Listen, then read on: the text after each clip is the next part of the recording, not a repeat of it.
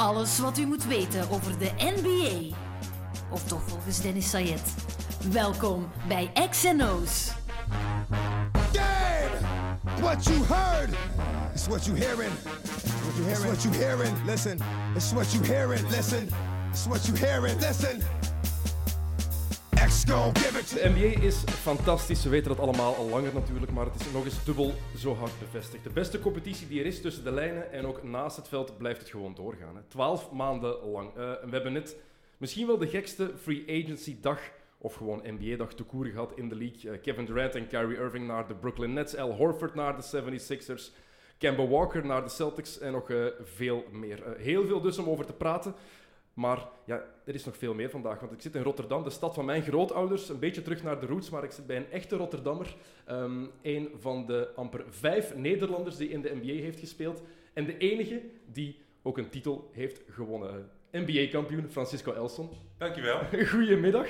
Ehm blij dat je tijd voor ons kon en wilde maken Uiteraard. om op de podcast te verschijnen. Eh, ik zei het net, een van de vijf Nederlanders die in de NBA gespeeld hebben. Meteen een quizvraagje. Wie zijn de andere vier? Eh, dan noem ik alleen de spelers die echt hebben gespeeld. Ja. Dan ga ik naar... eh Waarom lach jij? Nee, gewoon. Dan lach je eh, Rick Smit, Klopt. Daniel Gazuric, Sven Nater en ik. Ja, en dan heb je nog Geert Hamming. Nee, die heeft nooit gespeeld. Die telt dan niet. Ehm, en er is er eigenlijk nog een zesde. Die heeft in de BAA gespeeld, de voorloper van de NBA. Ja, een hele oude gast. Ja. Heel oude. Eh, Henk Beenders. Blijkbaar- ja, ja. De eerste international player die de finals heeft gehaald. ja, maar dat is de... Zoals jij zegt, dat is geen NBA meer. Nee, ik weet het, maar het is officieel is Ja. het de voorloper van de Tuurlijk, NBA. tuurlijk. Dus- en, en kijk, als je, als je het echt hebt over eh, mensen die gespeeld hebben, dan moet ik niet denigrerend zijn daarin hoor. Maar Rick Smith heeft de meeste minuten gespeeld, de meeste jaren in de NBA. Daarna... eh, nummer 2 draft pick, Rick Smith. Nummer 2 draft pick, moet je nagaan. Ja. Super. Eh, Ik heb één keer met hem meegespeeld in het Nederlands team tegen Israël. Die wonnen we in het topsportcentrum. En de tweede die ik erken als een NBA-speler die een minuut heeft gemaakt en wat jaren in de NBA heeft gespeeld, is Daniel Gadzuric. En dan ben ik de enige Nederlander die op al, elk vlak op basketbalgebied zowel wat heb gewonnen in Europa en in de NBA en op college. En dan houdt het op. Hey, denk eraan, bij- als, je lacht er nu een beetje mee, de enige naam die wij Belgen kunnen noemen, Is Rick Smith. nee, is Didier Mbenga van België, die in de NBA gespeeld hebben. Heeft op het veld gestaan, heeft twee titels trouwens, heeft twee ringen. Het is zo. Je, Goed gedaan. Of je, het nu, of je het nu helemaal aanvaardt of niet, DJ. heeft twee ringen. Dirty DJ. Congo Cash. we- Cash, maar die man kon helemaal niet basketballen, joh. Was een hele sterke kerel. Heeft wel het mooiste... Hij was oké sterk, hij was niet super Jij hebt sterk. er tegen gespeeld, dus Ik heb- inderdaad. Ja, ik heb, mythe. tegen, ik heb tegen Benga gespeeld. Eh, nee, man.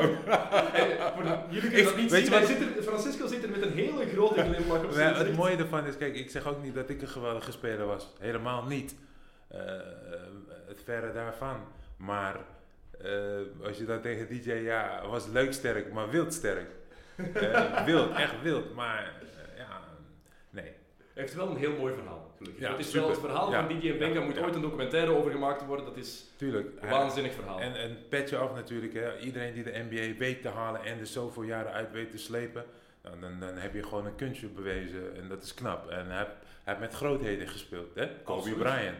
Dus dat kan niemand van hem afnemen. En tuurlijk, eh, twee titels, kom op man. Als jij minuten maakt, als je boven de 10 minuten speelt, dan, dan, dan, dan heb je gewoon gespeeld. Maar als jij niet meer dan vijf jaar en meer dan vijf minuten van de bank dan moet je niet praten over dat je hebt gespeeld in de NBA.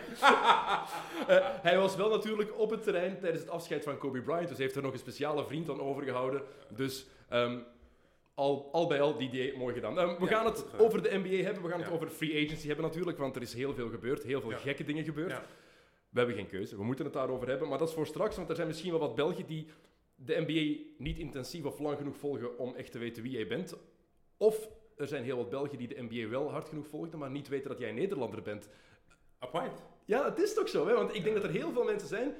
Francisco Elsen, het klinkt ook niet heel Nederlands. Hè? Ik mag niks zeggen, ik heet Dennis Xayet, dat klinkt ook totaal Ik niet dacht eerst Nederlands. dat je Marokkaans was. Eh, mijn vader wilde me eerst Raim noemen, dus dat was het helemaal, Ja, ja, helemaal verwarrend geweest. helemaal. helemaal verwarrend geweest. Ja. Maar het is wel zo, hè. Voor zelfs denk, denk ik in Nederland, dat er heel veel mensen zijn die niet weten dat Francisco Elson, roleplayer bij de San Antonio Spurs, bij de Milwaukee Bucks onder andere destijds, dat het een Nederlander is. Ja, het mooie ervan is, ik ben op vrij jonge leeftijd ben ik ja, naar Amerika gegaan voor een studiebeurs. En eh, daar heb ik zo'n beetje mijn jaren doorgebracht. Ehm, ik ben hier begonnen op mijn vijftiende zo'n beetje, dus vrij laat.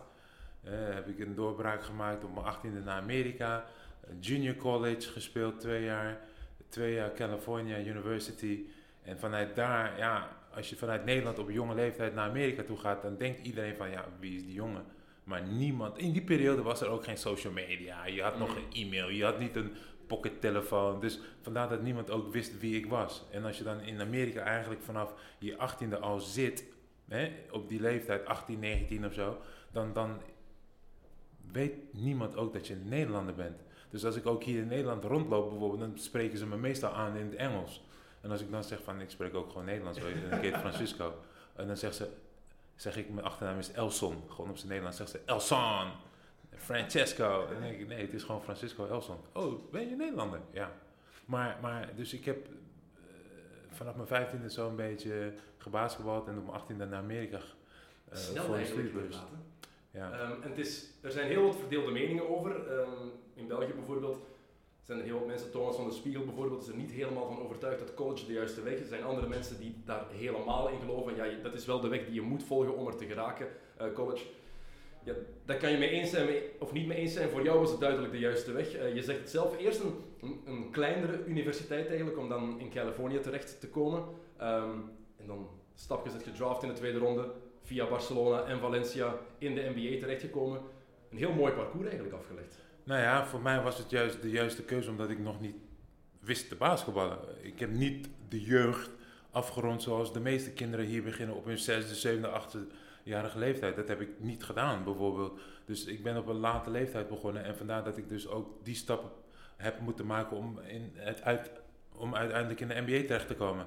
Eh, dus dus ehm, eh, dat was voor mij de beste keuze. En dat wil ook niet zeggen dat, dat je alleen in de NBA terecht kan komen als je college volgt. Helemaal niet. Het gaat er juist om dat jij skills ontwikkelt die een team nodig zou kunnen hebben, waarin jij past. Er zijn zat jongens die heel veel skills hebben, heel veel talent hebben, maar alleen het past niet wat die 29, 30, 31 teams of 40 of 50 teams nodig hebben in de hele wereld, bijvoorbeeld. En, en dan zit je, dan hang je en dan kan je kom je gewoon niet in de NBA. Maar je moet wel opgemerkt worden natuurlijk. Ja? Want je kan, je kan niet in de States terechtkomen gewoon door op een pleintje te basketballen. Je moet wel iets van talent hebben. Je moet eruit springen. En dat is bij jou zo, zo geweest. Want Nou ja, bij mij, was het, bij mij was het meer, ik ben gewoon heel lang. Ik ben lang, ik ben twee, altijd geen garantie. hè? En ik ben dun. Ik ben slender. Dus dat wil nog niet zeggen dat je... De, maar mijn hart is groot, zeggen ze dan. Hè? Dat is Amerikaans. Oh, you have a big heart. Nee, maar waar een, waar een weg is, is een wil bijvoorbeeld. En waar een wil is, is ook een weg. En, en daar moet je zelf voor kiezen. En het heeft niks te maken met, zoals jij zegt, van... ehm, ehm, ehm, je moet op een of andere manier talent hebben. Benga ain't had no talent. Oké. What are you talking about? Maar betekent dat dan dat elke big guy, elke gast van boven de 2 meter en 10, dat die intrinsiek een beurs bij een Amerikaanse collegeploeg zou kunnen krijgen? Of is dat, dat is toch heel kort door de bocht? Pardon? Is dat niet te kort door de bocht dat je dat dan zo ziet? Nee, helemaal niet. Ik bedoel, er zijn ook jongens die, dat noemen ze walk-ons. En van een walk-on kan jij gedraft worden. Agent Zero, tweede ronde speler. Mhm. Gilbert Arenas. Ja. En made 200 million. Kom op. Ja, het is, er zijn genoeg voorbeelden van spelers die zelfs Snap je? geweigerd hebben om walk-on te zijn. Ja, Ehm, Stephen Curry. Steph Curry. Ze mocht alleen maar een walk-on zijn. Ik kan niet op de universiteit, Georgia Tech, Universiteit van Del Curry. Hij wilde hem alleen als walk-on. En dat was er gelukkig voor hem Davidson. Kijk nu, tweede, op, voor mij op één na beste point guard na aller beste tijden. point guard alle tijden. Eén na best, de beste schutter waarschijnlijk die de NBA ooit heeft gezien. Mhm. Dus ja, dus daarom zeg ik ook van, het heeft te maken met hoe graag jij iets wilt. En met wie, je, wie jou daarin kan begeleiden. Dat is ook een hele belangrijke. de persoon die jou daarin kan begeleiden, begeleiden bedoel ik, jou kan leren hoe je het spelletje moet spelen, jou op jouw kwaliteiten.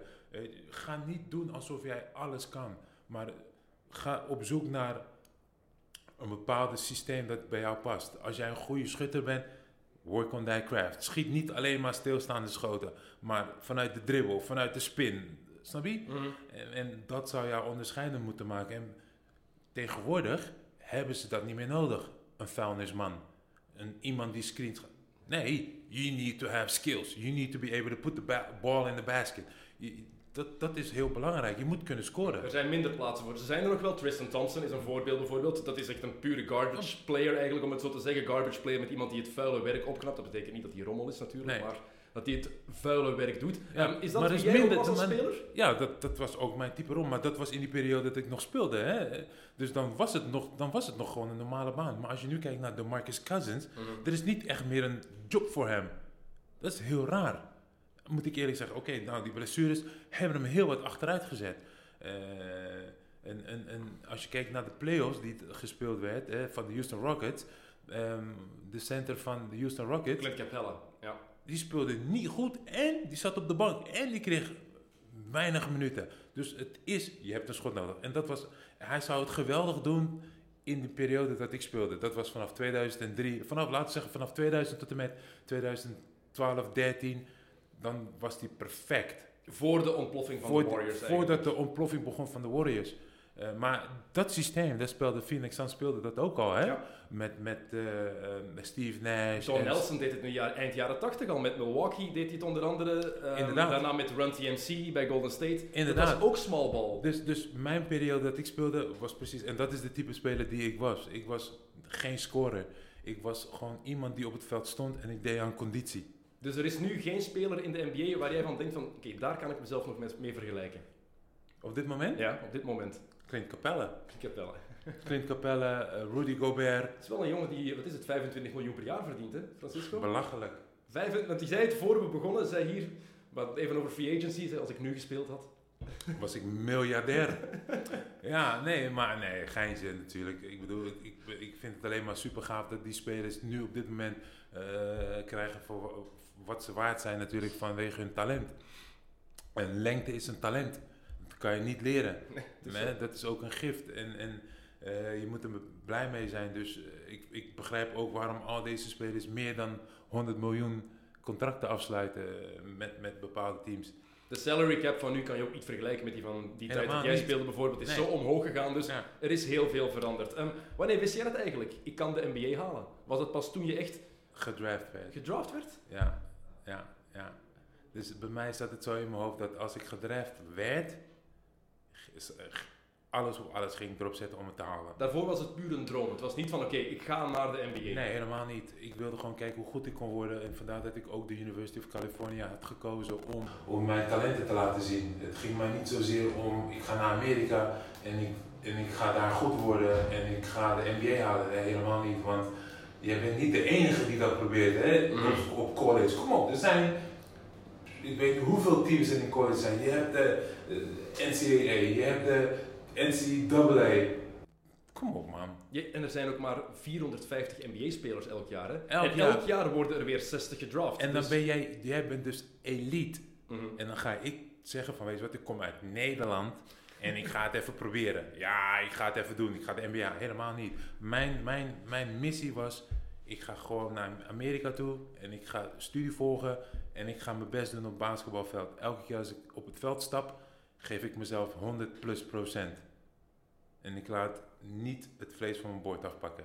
Niet. Helemaal niet. Die Amerikaanse mentaliteit, die moet je omarmen en je moet ervoor gaan. Als jij dat niet doet, ga je het niet redden. En dat, dat, dat was mijn opdracht. 1999 was het, hè? Eh, tweede ronde, 41ste draftpick. Ja. Ehm, wat weet jij nog van je draft day? Want het is iets waar elke basketballer ooit wel van gedroomd heeft. Wie dat niet toegeeft, daar is iets mis mee, denk ik. Want ehm, iedereen als kind die begint te basketballen, droomt ervan om ooit zijn naam te horen afroepen tijdens de NBA-draft. Maakt niet uit of het door de commissioner of deputy commissioner is, gewoon Ja. dat horen. Ja, het mooie ervan was dat Oh, de micro gaat even omhoog. ja. Nee, het mooie in mijn situatie was dat wij, eh, de, eh, de NCAA tournament niet hadden gehaald, dus we speelden NIT.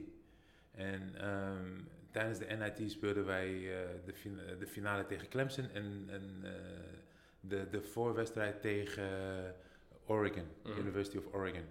En die wedstrijd speelde in Madison Square Garden. En daar had ik een hele goede wedstrijd. Ja, ik dunkte de bal en de lichten gingen uit in het stadion. Het was niet normaal. Het was op ESPN, het was een geweldige wedstrijd. En van die wedstrijd heeft mijn seizoen en mijn carrière gered. Met wedstrijd. Die ene wedstrijd. Want de finale was ik bagger. Was gewoon helemaal niet goed. Werd er nog tien keer op mijn kop gedunkt ook nog. Dus, maar die wedstrijd tegen Oregon was ik top. En die wedstrijd heeft gezorgd dat ik ehm, de Portsmouth eh, kamp mocht meedoen. En de Chicago pre-draft camp. En ik werd uit de line-up gehaald om dus naar de Chicago pre-draft camp te gaan. Van als je dus bij die kampen terechtkomt, dan betekent het dus dat de NBA-ploegen geïnteresseerd waren. En dat was het moment voor mij om te zeggen van wauw, ik kan waarschijnlijk de NBA halen. En ik had nooit gedacht van ik ga naar New York en ik ga daar zitten om te kijken of ik gedraft ga worden. Helemaal niet. Ik zat gewoon op school bij een vriend van mij op de bank. En hij zegt van, weet je wat, kom dan maar gewoon bij mij thuis. Gaan we lekker popcorn eten. Gaan we kijken naar de draft. Ik zeg, kijk daar nooit naar. Ik heb er nog nooit naar gekeken. Ik dacht van, weet je wat, ik ga gewoon eventjes bij jou langs. Ik kom lekker, gaan we popcorn eten. En ik zat daar op de bank. En wat gebeurt er? Ik val in slaap. Nee, nee. En hij kijkt de draft. En ineens ma- hij maakt mij, op een gegeven moment maakt hij mij gillend wakker. Dus ik zeg, hé, hey, hou eens even je mond, man. En hij zegt, je bent op tv. En ik kijk naar de tv en ik zie ineens mijn foto. Nummer 41. Nou, ik kon het helemaal niet geloven. Ik kon het echt niet geloven. Het was niet mijn intentie om te zeggen van, ik word gedraft. Maar ik kon het gewoon niet geloven. Ik was gewoon stom verbaasd dat ik ineens gedraft werd door de NBA. Ik dacht, die mensen die daar in de NBA bij die ploeg zitten, die zijn helemaal geestelijk gestoord, man. ik ben helemaal geen goede speler. Ik, mijn gemiddelde was 5,5 rebounds. Uh-huh. En er waren jongens in mijn ploeg, Californië, die, die gemiddeld 15 punten scoorden per wedstrijd. En die waren niet gedraft. Ik heb workouts gedaan voor de Chicago Bulls, de Milwaukee Bucks, Atlanta Hawks en de Indiana Pacers. Het moet passen en dat is het ding bij de NBA ook wat veel mensen vergeten. Want je kan zo getalenteerd zijn als je wil. Je moet een fit zijn voor een bepaalde ploeg. Natuurlijk, de, als je een absoluut toptalent bent, dan kom je er altijd. Als je Ja. echt te goed bent, dan maakt het niet uit wat het, hoe het past. Kijk nu wat Golden State aan het doen is met D'Angelo Russell. Ik weet nog altijd niet hoe het ooit zou passen daar als Clay Thompson terugkomt. Maar het is toptalent, dus je haalt het binnen. Ja. Maar roleplayers en zeker van werkers zoals jij er eentje was, ja, dan moet het gewoon passen binnen een bepaalde Ja, maar hè. ook- maar als je binnen bent, Ja. Dan, Dan moet je het proberen er. vast te houden. Mhm. Hetzelfde als het verkopen van een product. Ja, iedereen kan een product verkopen, maar kan je dat product blijven verkopen aan die, aan die klant? En dat, dat is juist, dat heeft ook te maken met wie jij bent, hoe je jezelf presenteert. Dat bedoel ik dus met een product. En ik presenteerde me altijd netjes naar iedereen toe bijvoorbeeld. Hè? Dus als ik ergens binnenkwam, groette ik altijd. Hey, how you doing sir? Good to see you. Yes ma'am, no sir. Goodbye, have a good evening. Dat is ook wat de teams dan verwachten. En daar kijken ze naar. Dus als jij op het veld loopt of je komt op het veld en je geeft geen handtekeningen, Mhm. dan weet die NBA-ploeg ook van, ja, dat willen we niet hebben. Want de NBA is gewoon een commerciële motor. En het moet verkopen. En als ze jou kunnen hebben binnen het team, los van het feit dat je 100.000 skills hebt, dan hebben ze jou gewoon niet nodig. Dan nemen ze liever een benga. Snap je wat ik bedoel? ik een likable guy. Ja, guy. juist. En dat was ik. Dus ik was gewoon die, de persoon die netjes was. Maar ja, ik zette hem wel op je hoofd als het nodig was. Ehm, hoe was het voor jou eigenlijk? Want je bent dan op je achttiende naar, naar Amerika gegaan. Ehm, was het een grote aanpassing om Ja, in ja. de States te wonen? ja, het was voor mij echt een culturele shock. Ja, echt? Ik, ik, ik had nog nooit gehoord van Amerika. Ook al heb ik gestudeerd, ik kende mijn topografie helemaal niet. En ik wist nog ineens waar Amerika lag. Laat staan Texas. Nee, ik maak maar een geintje. Maar, maar ehm, Nee, maar Ja. de mentaliteit is daar wel de anders mentaliteit is keihard. De mentaliteit is hard, heel hard. Want iedereen denkt natuurlijk van, eh, ze komen uit de achterstandswijk of ze komen uit de sloppen. En die willen allemaal uit die wijk, uit de ghetto. En dat, dat kan door middel van sport. Mm. Of je moet een, een, een geluksnummer trekken en dan word je miljonair. En dan komt er een jongetje van across the ocean en die denkt van, ik ga even de NBA halen. Dus jij komt het brood pikken van die Amerikaan. En dat laat zij niet toe. Dus dat bedoel ik met, als je dan daar bent, moet je die mentaliteit omarmen, want ze zijn gewoon heel hard. Je hebt die transfer dan gemaakt. eh, Na twee jaar Kilgore College ben je naar Cali gegaan. Eh, California, voor de mensen die het niet weten, is een grote universiteit. Jason Kidd komt daar onder andere vandaan. Ehm Jalen Abdul- Brown, om een huidige speler te noemen, heeft Ja. daar ook eh, zijn opleiding genoten. Sharif Abdurrahim. Dat is meteen, dat is als van de Belgische voetbalcompetitie naar de Premier League gaan. Bijvoorbeeld. En, en dat was voor mij juist. Ik wilde heel graag naar een grote school. Ik, wilde, ik, ik zeg je gewoon eerlijk.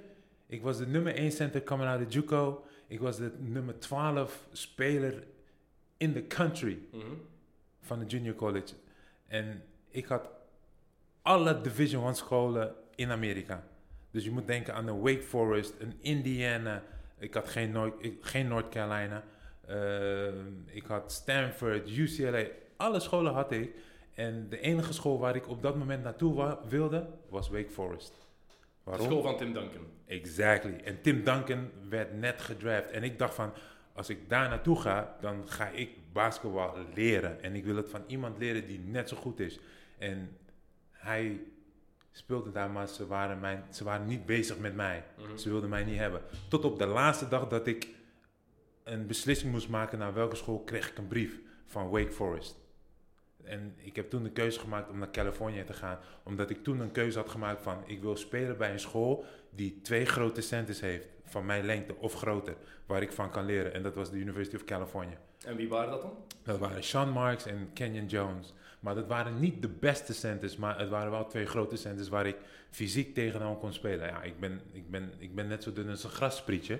Maar ik wilde, ik wilde gewoon kijken of ik net zo goed was als die jongens. Want ik heb highlights gezien en dat beviel me. En die end van, van de University of California, die zat er. En die was ook van de, eh, de NFL. Mhm. Ik Ja, weet ik- niet welke het is. Ja, ik ben ook zeggen. even zijn naam kwijt, maar hij heeft eh, jarenlang in de NFL gespeeld. En ze hadden toen eh, de NA NCAA tournament gehaald en ze, gingen door naar de Elite 8. En hoe het publiek tekeer ging voor die jongens, ja, dat gaf mij zo'n gaaf gevoel. En zeker Dat- als je 20 jaar bent, dan... En, en de University of California was toen voor mij de shit. Dus Eh, jij bent nu voor altijd ook een California Bear. Ja, ja, ik ben 100% California Bear en San Francisco is echt de stad voor mij. Want je, je hoort dat vaak zelfs jongens die maar, wat is het, die één jaar in college gezeten hebben nu, eigenlijk dus maar zes maanden, Ja. want dan zijn ze weg. Toch blijven ze voor altijd, that's my school. Kevin Durant bijvoorbeeld heeft zes maanden bij Texas gezeten. ja, het stelt eigenlijk niks voor en Ja, toch is die Ja. altijd aan mijn Texas Longhorn. En dat blijft Ja. altijd zo. Ja, ik weet ook niet waarom dat, waarom dat zo is, maar ik heb er twee jaar gezeten Ja. en ik had de beste tijd van mijn leven. Ik jij hebt er nog twee jaar gezeten, dat zijn twee volledige jaren. Dat is ja, wel maar ik ben dan- nooit naar les geweest. Ben je nooit naar de les geweest? Nee. Ik ben ja. eh, misschien twee dagen of Er, er, zo. er zijn er effectief die nooit gaan, dus het zou, het zou kunnen. Het is heel makkelijk om te doen. Snap je? Wie checkt dat? Eh, eh, eh, De meeste sporters die, daar net, die op scholen zitten, tuurlijk, als je, als, je, als je slim bent, ga je gewoon naar school. Maar als het niet hoeft, dan waarom zou je het doen? Dus het woord student athlete is echt complete It's, bullshit. it's, it's kind of overrated. dat is, dat is, dat is Want- want- zacht uitgedrukt, denk ik. Juist, want als jij na één jaar al prof wordt, ja, wat voor, wat voor connectie heb je dan met school? En ik kon er maar twee jaar zitten, anders had ik er vier jaar gezeten. Twee jaar Californië dan, dan de NBA draft. Ehm, hoe is dat erna gegaan? Want je zegt, ik heb de draft beleefd bij een vriend van. Ben je dan meteen, daarna ben je meteen gebeld door de ploeg die je gedraft heeft, daarna klaarmaken voor training Ja, ik camp? had Want toen- voor een tweede ronde pick is, is er veel minder zekerheid, hè? Ja, is minder zekerheid. En eh, voor mij was het, ik had toevallig een agent en die gaf aan dat ze mij liever eerst in Europa zagen. Hè? En, en dat was voor mij ook het beste, denk ik. Want ik zou dan nooit de NBA hebben gehaald. Helemaal niet. Want het enige wat ik kon was hardlopen en, en hoog springen. Terwijl je, als je in de NBA zou komen op dat moment, dan had je gespeeld tegen Rick Smits, de Anthony Davis Brothers, Hakim Olajuwon. Ja, dan zou dit zijn mannen. Dat was het. Dat was De dat hoogdagen waren, van de centers. hè. Shaquille O'Neal, David Robinson, Patrick Ewing. dat waren mannen. ja? En nu heb je het over een Rudy Gobert. een Francisco Elso. Doe even normaal. Weet je, dat is voor hun, dat is een snack. It, it ain't even a snack. Uh, This is just waking up and dreaming about some food. Nee, helemaal niet. Dus het mooie ervan is, is dat jij eh, een goede keuze hebt gemaakt. En normaal gesproken ben ik altijd een type persoon, ik wil iets en dan wil ik het nu. Dus eigenlijk wilde ik heel graag naar de NBA. Maar mijn agent heeft me eruit gehaald om te zeggen van, ga dan maar eerst naar Europa. Ik heb een hele goede ploeg voor jou gevonden. Er zijn een aantal ploegen. Er waren Maccabi Tel Aviv, eh, Olympiakos, Panathinaikos, Real Madrid en Barcelona. Als je in Barcelona kan gaan wonen. toen dacht ik, Nee. Barcelona. Elk persoon in Nederland of waar dan ook, Suriname, houdt van Barcelona. Dankjewel, Johan Cruijff. Juist. Dus ik Het is dacht, gewoon zo. ja, en ik heb dus gekozen voor, na, mijn, na, na de draft, heb ik dus gekozen voor, weet je wat, twee jaar Barcelona. En ja, het heeft goed, Zij wilden mij heel graag hebben, ik weet niet waarom, maar zij wilden mij heel graag hebben. het is goed uitgedraaid, hè, Het is, het is perfect. Helemaal uitgestippeld was het niet, maar het, het, het, het paste precies. En na een paar jaar toch naar de NBA gegaan, ehm, naar Denver, Colorado. Ja. Hoe ben je daar ontvangen? Dat vraag ik me Eh. dan af, want je komt als een onbekende speler eigenlijk daar. Want, Nou, ze, hebben je, ze, hebben je, ze volgen je altijd. Dus ik heb maar ik bedoel, Twee- ik heb twee jaar Barcelona- publiek bedoel ik ook natuurlijk. De fans Ja. weten niet wie Francisco Elson is dan, op zo'n moment. Maar die, die hebben ze wel leren kennen. ja, dat geloof ik nee, nee, nee, nee. Ik heb dus twee jaar Barcelona gespeeld. één jaar Sevilla en één jaar eh, Valencia. En het laatste jaar in, in Sevilla eh, is Denver Nuggets in- Sevilla geweest. Ik had voortreffelijke jaren in Spanje. Geweldige statistieken neergezet. En het laatste jaar kwamen ze naar me toe. Hebben een, een, een meeting gehad. En toen zeiden ze, we halen je terug naar de NBA. Want elk jaar dat ik in, elk jaar dat ik in Spanje speelde, ben ik elk jaar Summer League wezen spelen. Hè? Mhm. En, en ik kreeg altijd te horen van Francisco, blijf nog een jaar in Europa. Nog een Ga nog, rijpen. Ja, ga nog een jaartje rijpen. Werk aan dit, werk aan je rebounden, word sterker. Weet je, want als je in de NBA komt, dan moet je sterker zijn. Zo gezegd, zo gedaan. Elk jaar ging ik terug naar Nederland, dacht ik van, kut hé, die gast wil me niet hebben. Nou ja, dus dat laatste jaar heb ik, eh, en het gekke ervan is, heb ik Summer League gespeeld, maar ik raak geblesseerd aan mijn knie. Operatie gedaan en to- toch kreeg ik een contract voor drie jaar. Dat zegt veel over het geloof dat ze in je hadden natuurlijk ook. Hè. Ehm, de eerste keer dat je dat shirt mocht aan- aandoen. Kippenvel. Weet je, ja, ik- want voor mij is het echt... Ik ben opgegroeid als een NBA-freak. Ja. Komt ook door, door mijn vader. Mijn vader Ja. heeft mij wat dat, van basketbal leren kennen. Ja. Ehm, dus dat is extra speciaal daardoor. En ik denk dat dat zo'n fantastisch moment moet zijn. Dat was eh, voor mij echt het bewijs dat je in de NBA zit. En, en, en eh, ja, voor mij geweldig natuurlijk. Hè. Ik- het, zoals jij net aangaf, het is een jongensdroom om in de NBA te spelen. Die jongensdroom werd werkelijkheid door het shirt over je lichaam te hijsen en dan dat gevoel te krijgen. En dan om je heen te kijken dat je in een kleedkamer zit met alleen maar supersterren. Dus je moet denken aan een Carmelo Anthony, een Marcus Camby, Kenyon Martin. En ja, dat, dat, dat, dat gevoel dat kan ik nooit echt meer terughalen bijvoorbeeld. Ook al trek ik dat shirt nu aan, dat is niet meer hetzelfde gevoel. Want Tuurlijk. dat is dat eerste moment dat je zo'n shirt krijgt en dat zie je dan in je hokje hangen. Met je naam erop. Met je naam erop. Allee, kom op. Dat is, dat is toch gek, man. Dat, dat, dat is ongelooflijk. Met een toffe ploeg ook, met Car- een jonge Carmelo Anthony. Carmelo Anthony die toen juist kampioen was geworden Ja. met Syracuse. Ja. Die toen, waar toen ook de discussie bestond, wie is er beter, LeBron of Melo? Ja. Nu is dat, als je daar nu over nadenkt, denk je, kom op jongens. Toen was dat een echte discussie. Wie is er beter, Melo of LeBron? Ehm, wie waren jouw veterans bij Denver? Want elke rookie heeft zijn vets. Elke rookie wordt geheest, dus wie waren dat bij jou? Nee, ik had, ik had één moment, dat kan je terugkijken op YouTube. Ik heb het maar één keer gedaan. Ik was 27. Jij gaat mij niet rookie hazen, helemaal niet. Nee, helemaal niet. Dus eh, bij mij was het één moment dat wij eh PF Chang's Chinees eten moesten ophalen. Met onze per diem, want we hadden een lange roadtrip. Dus je kreeg een, een bom, een zak met geld. En ik dacht mezelf, we kregen, geld van de, we krijgen gewoon geld van de club. Nee, het kwam gewoon uit je salaris. tuurlijk. Ja, dat wist ik op dat moment niet. Maar het was wel een mooi, mooi moment om te zien dat deze spelers dachten dat ze mij konden hezen. Nee, ik heb het maar één keer gedaan. Maar die veterans, dat waren eh, Marcus Camby, Rodney White, eh Kenyon Martin, eh, Byron Russell, Earl Boykins, Andre Miller. Byron Maar- Russell maar- maar- daar toen. Ja, ja. Maar, maar, maar om. Het was. Het, het team had. We deden daar niet echt mee. We deden, konden ook niet met Carmelo. Het was een number 2 draft pick in de NBA. Dus, Mm. Of number 3. Number 2 of number 3. Je Dus- kon hem niet hezen ook. Nee, nee, nee. Niks. Zeker niet. Hij had, had gewoon de meeste skills. Dus niemand deed het ook bij hem. Nee, het is nooit gewoon een, Zelfs de nummer 1 draftpick nu krijgt een gênante rugzak om te dragen. Het is gewoon kinderachtig. Het slaat nergens op. Want het maakt het Deden ze, zorgt niet, voor- deden ze niet bij Carmelo? Nee, helemaal niet. Oké, ja, het, is, het is een gewoonte blijkbaar daar. hè? Ja, maar is, niet eh, in dat team waar wij zaten. Dus we hadden wel gewoon die jongens die ook dachten van, weet je wat, eh, laat dat maar zitten hoor. Weet je, ja, dus eh, Carmelo was ook gewoon op een ander niveau, dus het hoefde niet zozeer. Ehm, je eerste wedstrijd. Je zegt dat de eerste keer dat je dat shirt aandeed was speciaal. Ja. Wat weet jij nog van je eerste wedstrijd? Mijn eerste wedstrijd was tegen de San Antonio Spurs. Die werden toen dat jaar daarvoor uitgeschakeld door de Dallas Mavericks. En de eerste wedstrijd was, zag ik de speler waar ik altijd tegen opkeek. Zo'n beetje waarvan ik eigenlijk wilde leren, Tim Duncan. En het mooie moment was juist dat mijn ouders er waren. En dat is het mooiste moment eh, van, die, van, die, van, die, van die dag. Niet zozeer dat je zegt van wauw, de eerste wedstrijd oeh, tegen... Nee. Mijn ouders, dat mijn ouders me hebben kunnen zien eh, dat ik op het veld stond. En je bent van de bank gekomen die match? Van de bank gekomen en Tim Duncan scoorde 30 punten in twee minuten of zo. nee, ik kwam van de bank af en ik, ik, ik, nou, mijn ouders zijn toen, heb ik, ik heb mijn ouders toen laten overkomen.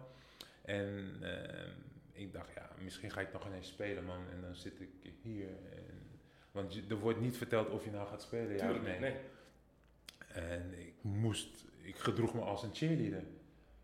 Dat was de enige manier waarop ik kon denken van dat die coach mij dan wat minuten ging geven. Ik stond langs de kant met de handdoek te zwaaien, aan te moedigen. En ja hoor, hij roept mij en ik ga het veld in. En als je goed nadenkt, maar dat kan je niet op dat moment omdat je zo jong bent en je bent onbevangen. En het enige wat de coach zegt, en dat heb ik altijd meegekregen, als jij van de bank afkomt, zorg ervoor als wij een voorsprong hebben, dat die voorsprong dan niet minder wordt.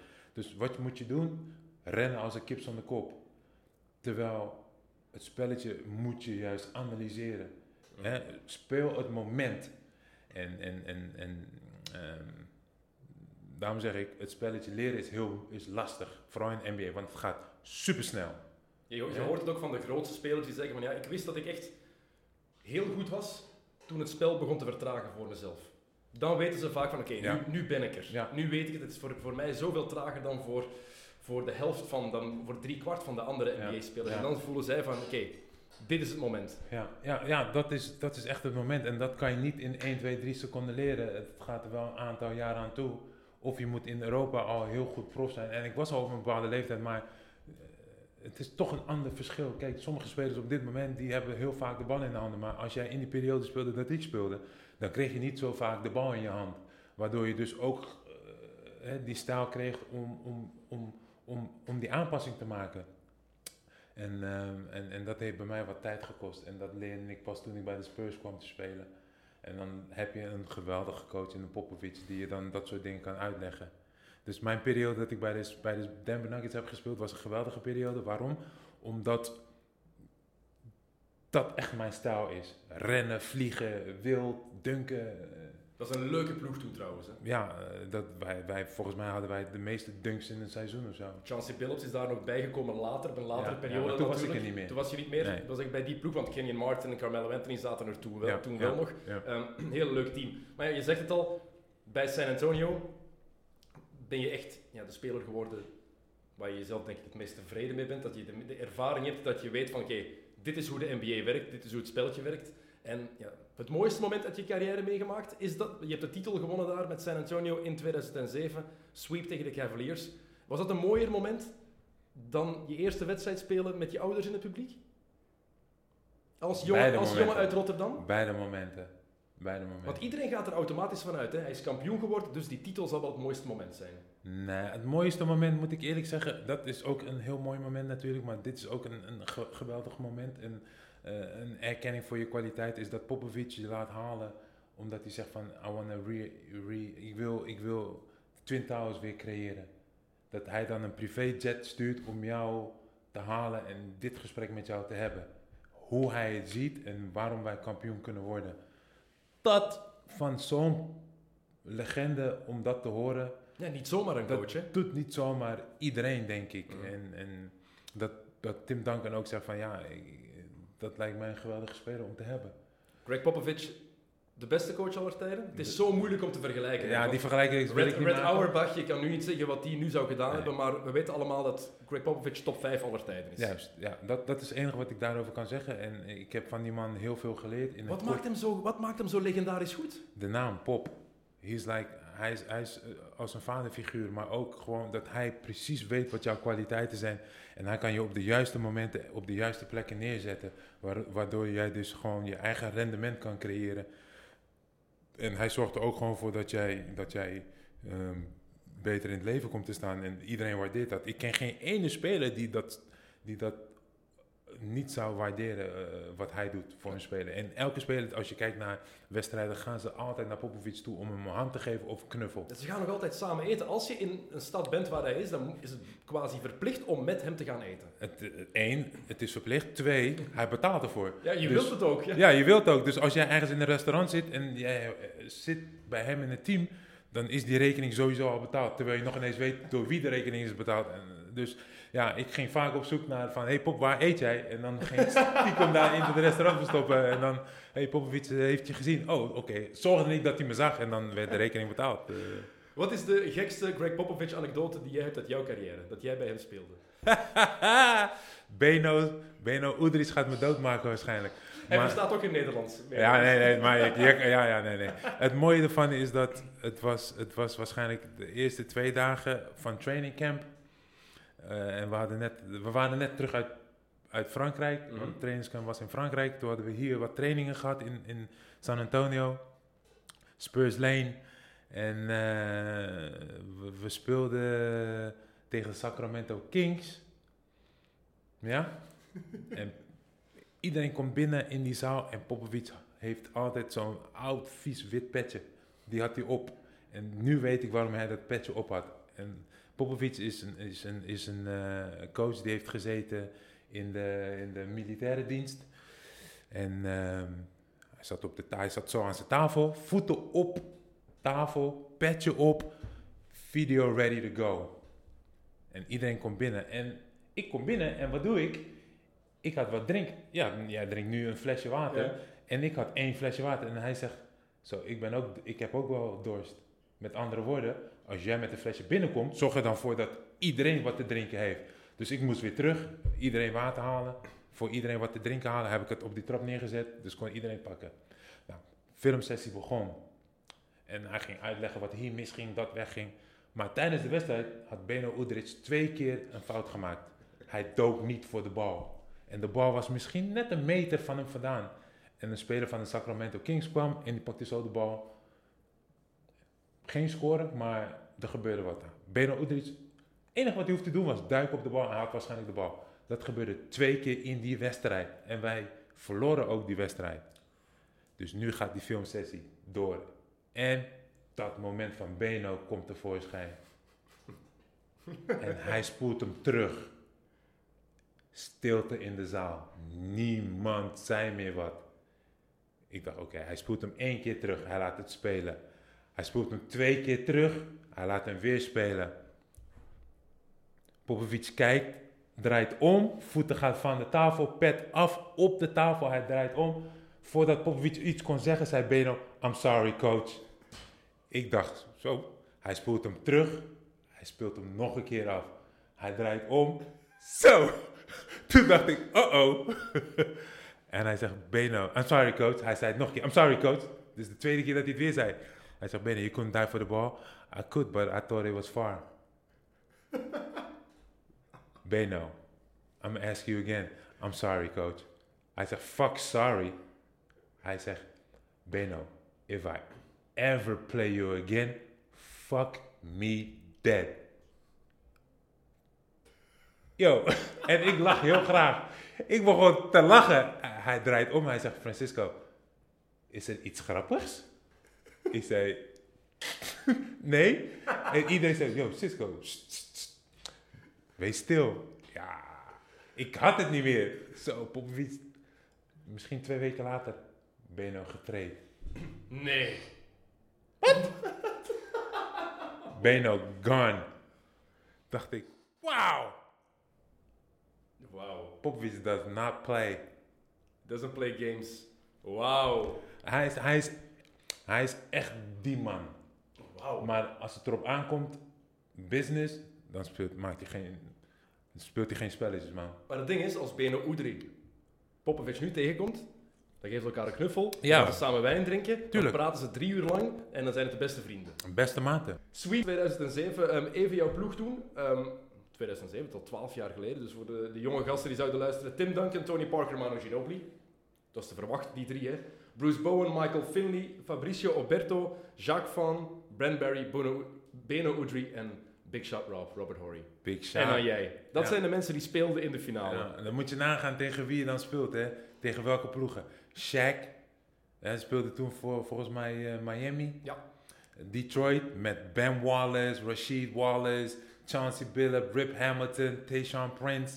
Cleveland Cavaliers met, met LeBron James, Ilgauskas, Drew Gooden, Phoenix, de Phoenix Suns met Nash en Phoenix, Stoudemire. Matrix, Raja Bell. In eh, eh, eh, Utah Jazz met Carlos Boozer, Deron Williams. En dan had je Golden State Warriors.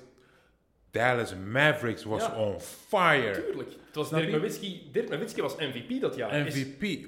lag eruit in de eerste ronde. Wat was het jaar van de We Believe Warriors met Yep. Baron Davis en Eh, Steven Jackson. Ehm, maar Nowitzki was dominant dat hele jaar. Hè? De Dallas Mavericks, die waren gewoon dodelijk in de eerste vijf minuten met Jason Terry. Ze probeerden in vijf minuten probeerden ze met 20 punten achterstand te zetten. En dan was de wedstrijd eigenlijk al afgelopen. En, en eh, we hadden echt het geluk. Dat jaar was echt geluk voor ons, man. Dat Cleveland Detroit uitschakelt. Miami valt uit. ehm, Phoenix met Bob. Hè, Mhm. die elleboog van Bob tegen Steve Nash. Dus die spelers werden geschorst. Wij winnen die wedstrijd. En dat Cleveland van Detroit wint. Ja, kom op. Ja, Cleveland, LeBron. Hè? Heel simpel. Laten we eerlijk zijn, dat jaar, LeBron James was toen 22 jaar. 25 punten in de vierde kwart. ja, negen- 29 van de laatste 30 heeft hij gescoord in match 5. Oké, Ben Wallace was toen trouwens weg bij Detroit dat jaar, want die was naar Chicago? Oh ja, Chicago. was getrokken. naar Chicago. ja. Maakt het niet minder indrukwekkend wat LeBron Nee. gedaan heeft, want hij heeft toen gewoon eigenlijk met een, een zak vuilnis op zijn rug ja, heeft hij de finals gehaald, op zijn 22e. ja. Ehm, jullie, toen de finals begonnen, wist iedereen meteen, jullie zijn de betere ploeg. Tony Parker die finals MVP wordt. ja. Ik, dat- ik- ja, ik vind, ik deel Bill Simmons' mening daarover. Ik vind dat de beste speler van de ploeg over de hele playoffs die MVP-titel moet krijgen. En dan Mhm. was het bij jullie gewoon Tim Duncan. ja. Maar dat is een persoonlijke mening. Ja. Parker was in die finals was die fantastisch. Maar het was een, een heel... Zeker Phoenix, ja, die, inderdaad... Robert Horry die Steve Nash daar tegen de boarding doet, was ik Juist. er even niet aan gedacht. Gruwelijk. Maar dat Oh. was ook een goede move van hem, want we zouden niet Dirty winnen. play, hè? We zouden niet winnen van die gasten.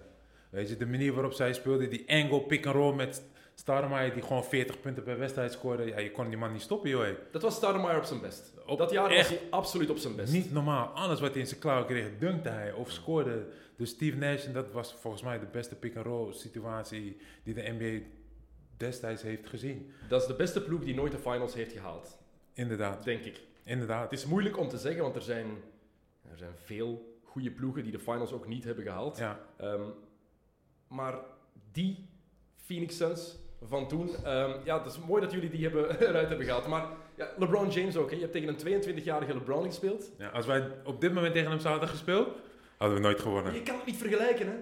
De LeBron Ga ik niet van- doen, je hebt gelijk. Mag Van ik niet toen doen. en nu. Dat is, Nee, wat, nee. Met alle respect, was een snotaap. was Mm. 22 jaar. Ja, En hij zat toen al, het, is, het was een vierde jaar in de NBA al. Nu Ja. is het, hij gaat naar seizoen 17. 17 al. 17. En hij is, nog, hij is nog altijd going Kan- strong. ik Ehm, kan nog herinneren dat we samen in de NBA rookie class zaten. Hè, op eh, rookie camp. En toen dacht ik ook bij mezelf, zo is het deze gast waar ze het over hebben. Ja, die man was dodelijk toen. Wat, ja, LeBron James op zijn 22e. Hoe kijk je daar naartoe als je daar tegenover staat? Met ontzag dan al? Nee, helemaal niet. Omdat ik niet wist wie die was. Ik wist totaal niet wie die was. En Rookie Transition Camp, ik, ik kende alleen... Ik kende niemand. Ik kende niemand. Eh, ik kende alleen Carmelo Anthony. Dat was puur omdat hij bij mij in het team zat. Maar van die andere jongens had ik het nog nooit gehoord. Ja, die namen weet ik nu wel. Zeker wel. Ja, die class van 2003, Ja, top dat was- 5 alleen al. Ja. LeBron, Chris Melo, Bosh. Bosh Wade en dan is daar een of andere Darko Milicic. Juist, ja. En dat zit. was, dat was geweldig om te zien hoe al die rookies dus eh, verbeterden. En, en, en nu echt legende of eh, legend eh, players waarschijnlijk Hall of Famers zijn. Ja, je hebt de finals gespeeld tegen de voor mij op één na beste basketballer aller tijden. Inderdaad. LeBron James. Inderdaad. En het mooie ervan was dat Tim Duncan had 16 op het bord geschreven. Dat moet je winnen. 16 games moet je winnen om die titel te pakken. En bij de laatste wedstrijd had hij vier staan. En daar had hij gewoon er vanaf gehaald. En toen zei hij, keek hij en toen zei hij van... So we're world champions. en ik dacht bij mezelf, we moeten nog tegen Cleveland. Maar ik zei niks. Met andere woorden, hij wist al gewoon van, deze gasten kunnen ons nooit verslaan. Tuurlijk. Gewoon een 4-0 sweep. Ja, ik, ja dat, dat moment denk je er niet meer over na van het is een lang seizoen. Je denkt nergens meer aan. Het enige wat je ziet is media. Media, media, media. Ik weet het, ik ben, ben twee keer naar de finals geweest. Ja. Ehm, het, is, het zijn voor een speler als LeBron of Tim Duncan, dan staat er één rij camera's en dan ga je verder. En dan is het trapje daarachter, de eerste rij, dan een trapje hoger, de rij daarachter en dan Ja. daarachter nog wat hoger. Het is waanzinnig hoeveel pers er in een kleedkamer... Ze mogen ook in de kleedkamer natuurlijk. Ja. Stel je eens voor dat het gebeurt in de halve finale van de Champions League. Dat je in de arena van Ajax, dat je daar in de kleedkamer mag De als pers. Ja, Dat gebeurt nooit, dat kan je niet inbeelden. Maar toen, Is het jammer. dat hoort erbij in, Hoort in is de belevenis. Mhm. Dat is het mooie ervan natuurlijk, als jij, als jij alles kan laten zien hoe het nou echt in, in, in real time is. Want, want de meeste mensen begrijpen het niet. Dat zoveel druk heb je nog nooit meegemaakt. Dat je het eigenlijk niet kan concentreren tijdens of voor een wedstrijd. Je moet echt een koptelefoon Je opzetten. moet de koptelefoon opzetten. Of de meeste spelers duiken dan de, de krachthok in. Of gaan in de, in, in, bij de fysio zitten. Omdat het daar rustig is. Zodat ze zich kunnen focussen. Want er komen van die gekke Chinese verslaggevers die geen Engels kunnen. Maar de meest stomme vragen stellen. Van waarom heb je die kleur schoenen aan? Ja. Pardon? Wat? En dat zie je de meeste gasten, als ze komen, dan lopen ze al weg en dan willen ze geen interview afleggen. Of, of dat je, ja, het is gewoon Maar belachelijk. dat zijn de momenten ook waar, waarop ik als journalist ook letterlijk voel dat ik wat lager aan het zakken ben door mijn stoel. Als je zo die persconferenties hebt Ja. en je hebt de, de journalisten van landen waar het, het Engels niet echt machtig zijn en waar je ook van hoort van oké, het gaat heel moeizaam om het uit te spreken. En Ja. zo'n vraag duurt dan altijd 20 seconden, waarvan er 15 seconden te veel zijn. Ja. En dan zie je die Ja, speler zo zitten met een heel verveeld gezicht en dan, nee, en dan wordt die vraag gênanter en gênanter en dan is de vraag gesteld en dan zie je die speler zo kijken. What the actual fuck did you just ask me? En dat is echt... maar het zijn, die, die, die spelers begrijpen niet dat Azië het grootste land Ja. is waar, wat NBA volgt. Snap je? Dank je, Yao Ming. Dank je, Yao Ming. En dan zou je eigenlijk moeten begrijpen van, weet je wat, ik luister gewoon naar je vraag, want ik weet dat ik waarschijnlijk daar een fanbase kan creëren. En geef dan gewoon antwoord. De grote sterren doen het wel beter en beter. Ja, dat- gaan ga er beter mee om, maar ze maken nog steeds een geintje. Dus er is altijd ruimte voor een geintje. Russell Westbrook gaat er niet goed mee om, dat weten we allemaal. Die gaat, gaat er sowieso niet eh, goed mee om. Eh, ik wil nog een paar quick hits doen, want ik wil het even met je over free agency nog hebben. Ehm, ja, ik had hier opgeschreven wie is je beste ploegmaat ooit. Ik denk dat ik die vraag eigenlijk niet moet stellen. Dat is in Tim Duncan, veronderstel ik. Mijn beste ploegmaat Ja. ooit was Marcus Camby. Ja, nee, beste qua speler. Oh, oh, oh, qua niet qua speler. ploegmaat, echt qua, qua speler. Qua speler? Intrinsiek. Eh, De ja, beste speler waar hij mee heeft samengespeeld. ja, Tim Duncan en Carmelo. Toch Carmelo daarbij? Ja, man. Ja? Omdat hij die toen man- op, zijn, op zijn best was eigenlijk. Ik heb hem zien groeien. Ja. Die jongen heeft talent. Die jongen, je kan hem niet stoppen. Je, je kan hem gewoon niet stoppen. Hij is waarschijnlijk de beste scorer op de drie. Oké, nou nu heb je dus Kevin Durant. Maar in die tijd, Mhm. hij kan alles wat Kevin Durant nu kan, kon hij. Schieten, drijven, pull-up 1, pull-up 2, pull-up 3, ehm, eh, post-up, rebounden. Oké, geen geweldige passer, geen geweldige verdediger, maar op scoringsgebied unstoppable. Denver Mello was zo leuk om te zien. Die transfer naar New York, ik vond dat één zo jammer. Ze hebben het gewoon verkloot bij de Knicks ook, want Ja. ze hadden hem als free agent kunnen binnenhalen Ja. en dan niet heel de ploeg moeten opgeven. Maar New York zijn verkloten, daar gaan we het zo meteen nog even over hebben. Dat is altijd grappig. Ja. Ehm, dat doen ze nooit goed. Maar Tim Duncan, ehm, je keek er naar op, zei je, voor je in de NBA terecht kwam. Ik heb, ik, heb, ik heb dagen gezeten, trainingen gezeten, op een bankje, kijkend hoe hij na training nog eventjes aan zijn skills werkt. Met de, met de shotgun. Hè? Met Mm. de gun. En je weet dat net is super hoog en hij doet daar jump hooks mee. En hij maakt ze allemaal. En heb ik op een bankje zitten kijken van, oké, wat doet hij? Oké, die moves. Oh, dat zijn zijn favoriete moves. Wauw. Beste power forward ooit? Makkelijk. Dat is geen andere power forward center die ik ken. Oké, center niet, maar power forward die ik ken die zoveel ehm, indruk heeft, op mij heeft gemaakt. En ik heb het gevoel dat Duncan, als hij wou, als hij wilde, dat hij al zijn stats eigenlijk, dat hij nog dat hij 10 punten had kunnen bijdoen, 5 rebounds per dat hij dat met gemak kon. Hij deed dat niet, omdat het misschien wel de ultieme teamspeler is. Maar als hij kon, had hij in zijn hoogdagen 35 en 15 gemiddeld met gemak kunnen hebben. Met gemak. Ah, hij, hij- hij had niet, hij had geen outside schot.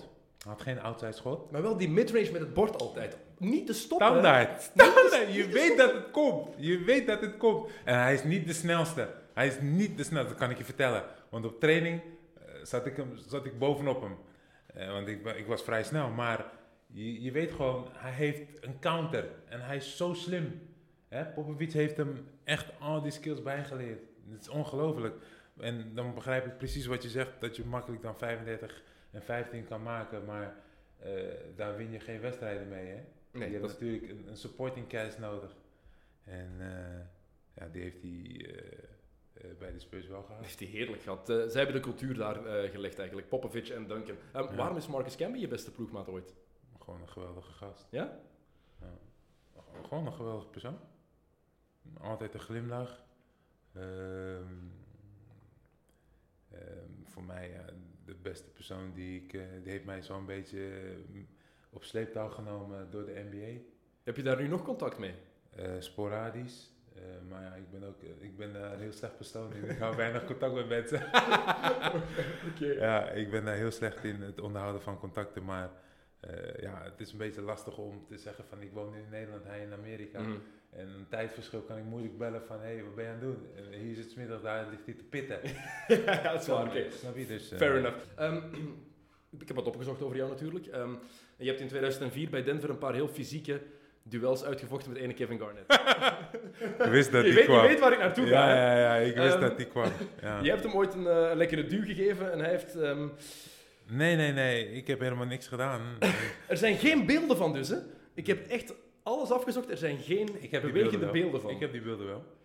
Voor de mensen ik die niet weten. Kevin Garnett heeft hem eh, op een hele pijnlijke plaats geraakt. Ja, nee, ja, hij een raakte me gevoelige niet. plaats. Hij, hij- ja, hij raakte me net niet daar, maar hij sloeg me tussen mijn benen. En eh, hij raakte zo een beetje mijn dijbeen. Dus eh, daarop gaf ik dus het antwoord van, hé, je bent een Mhm. H.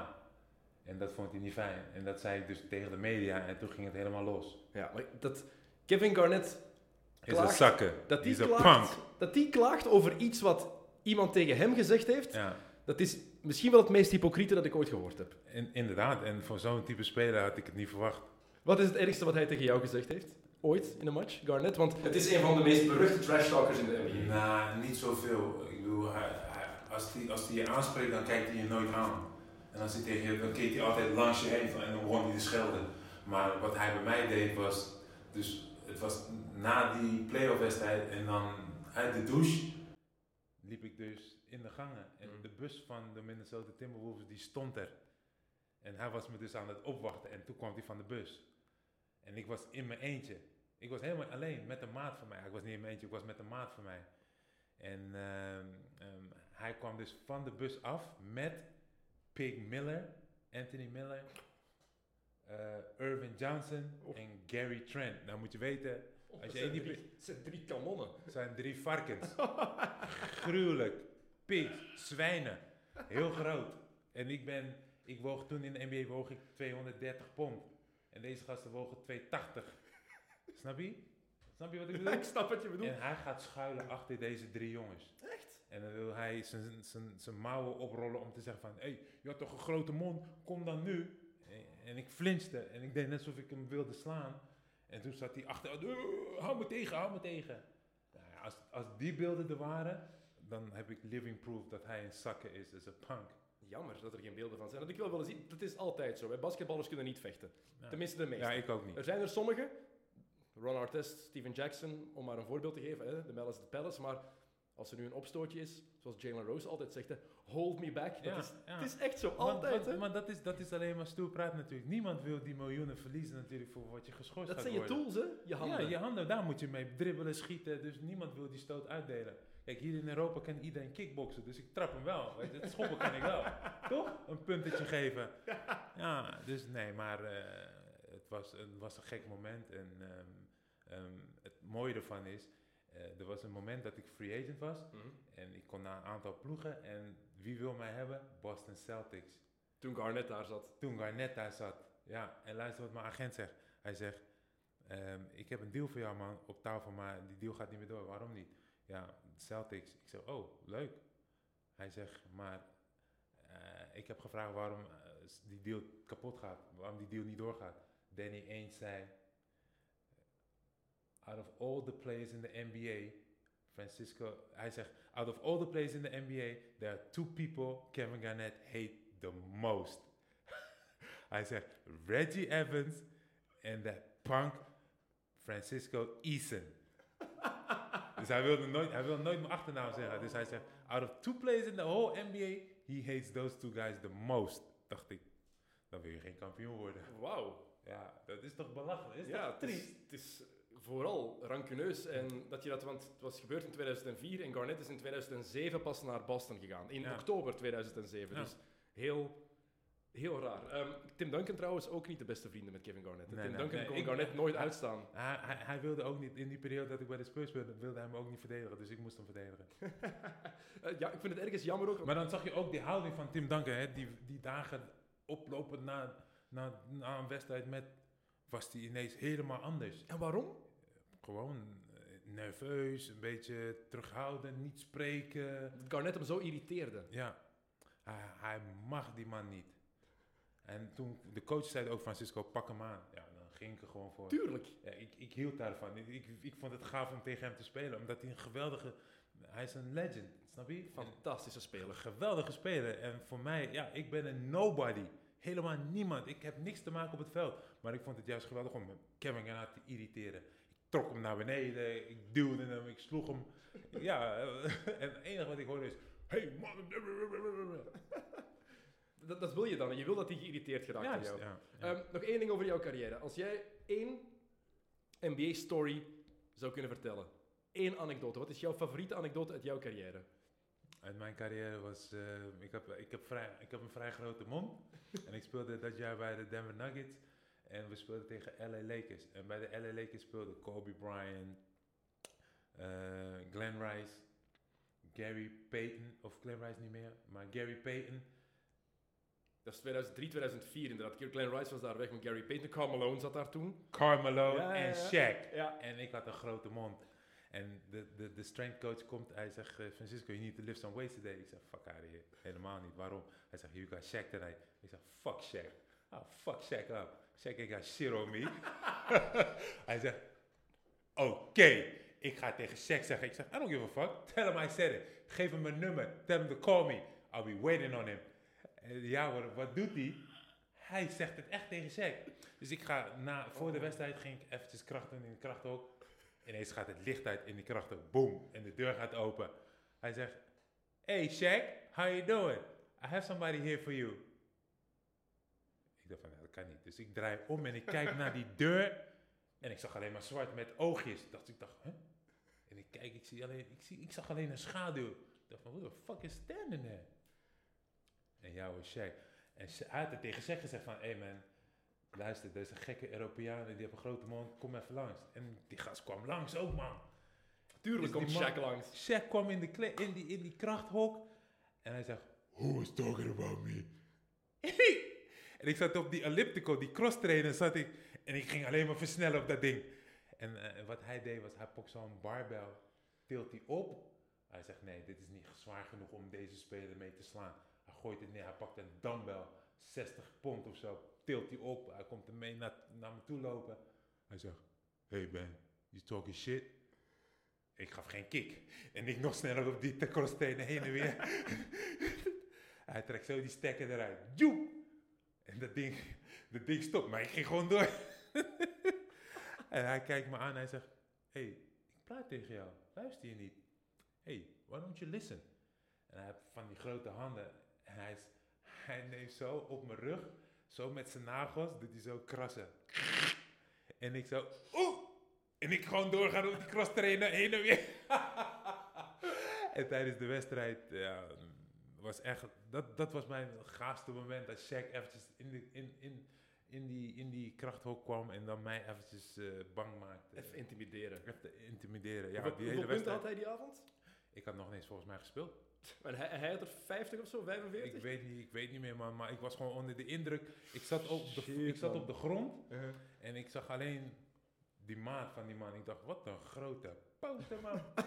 hoe, kan jij, hoe kan jij zo hopen neerrennen? En Carmelo was een beest. Ik dacht, ik dacht echt bij mezelf, de NBA stands for not NBA Basketball Association, National Basketball, helemaal niet. De NBA stands for No Boys Allowed. Ja. En als jij niet man genoeg bent om tegen deze kerels te spelen, moet je geen grote mond hebben. Dus ik Malone, Carmelo, wat een absoluut monster. Carmelo voelt aan als muur, gewoon beton. Als je tegen die man aanknalt, heb jij gewoon pijn.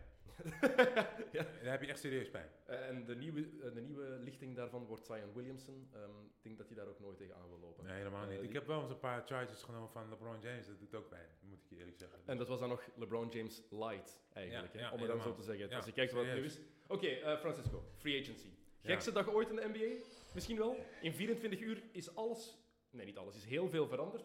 Ehm, leuk statistiekje. In de eerste 8 uur van free agency, 48 akkoorden, ter waarde van 3,2 miljard dollar.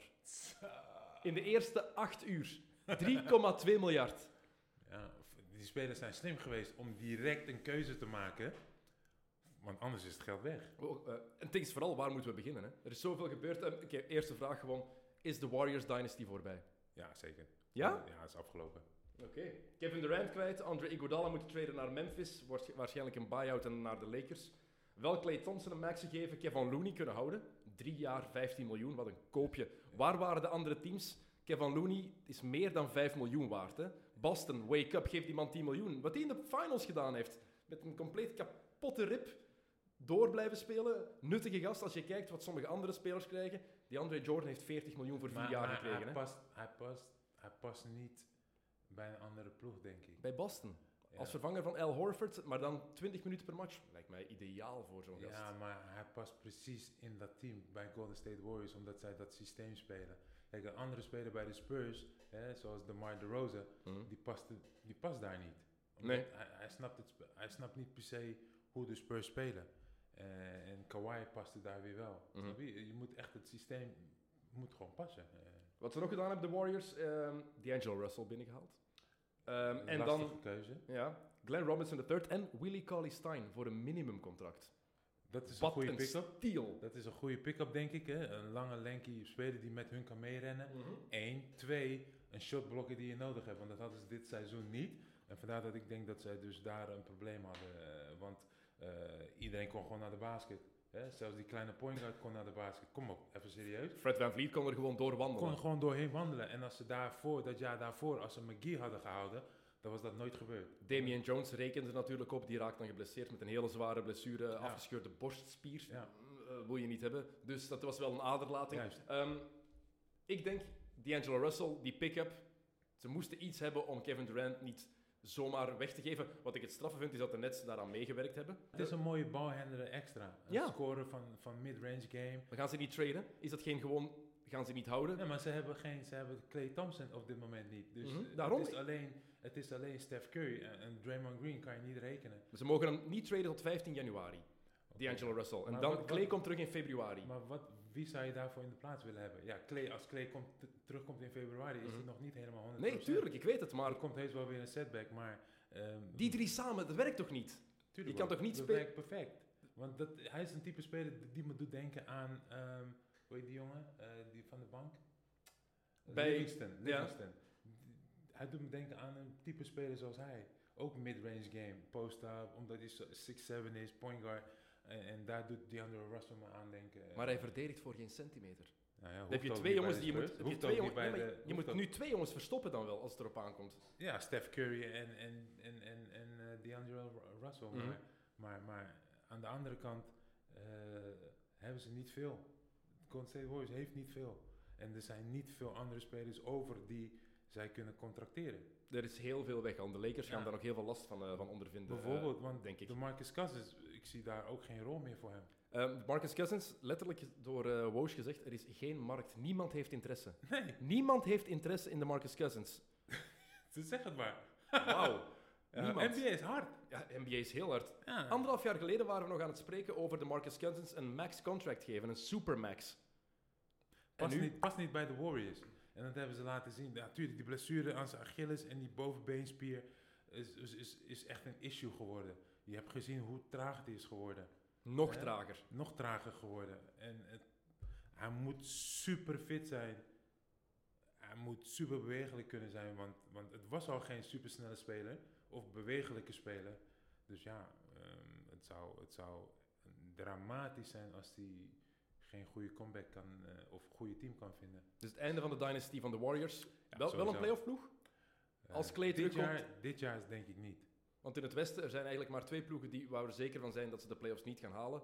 Memphis, kunnen we van uitgaan. Dat is puur building. Ja? We gaan denken wie de tweede nu is. Want het is- Sacramento Kings? nee, ik durf het niet zeggen dat Sacramento... Phoenix? Vorig jaar zat er Phoenix. Dat is de andere, natuurlijk.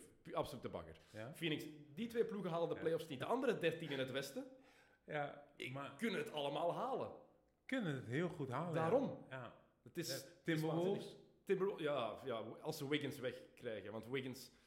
eh, als je, ge- wordt anders profspeler met nog minder zin om op een basketbalveld Ja. te staan. Dat is, het, is, ja, het is toch gewoon zo. Ehm, de Warriors, afscheid van Durant, geen eigen keuze. Afscheid van Iguodala.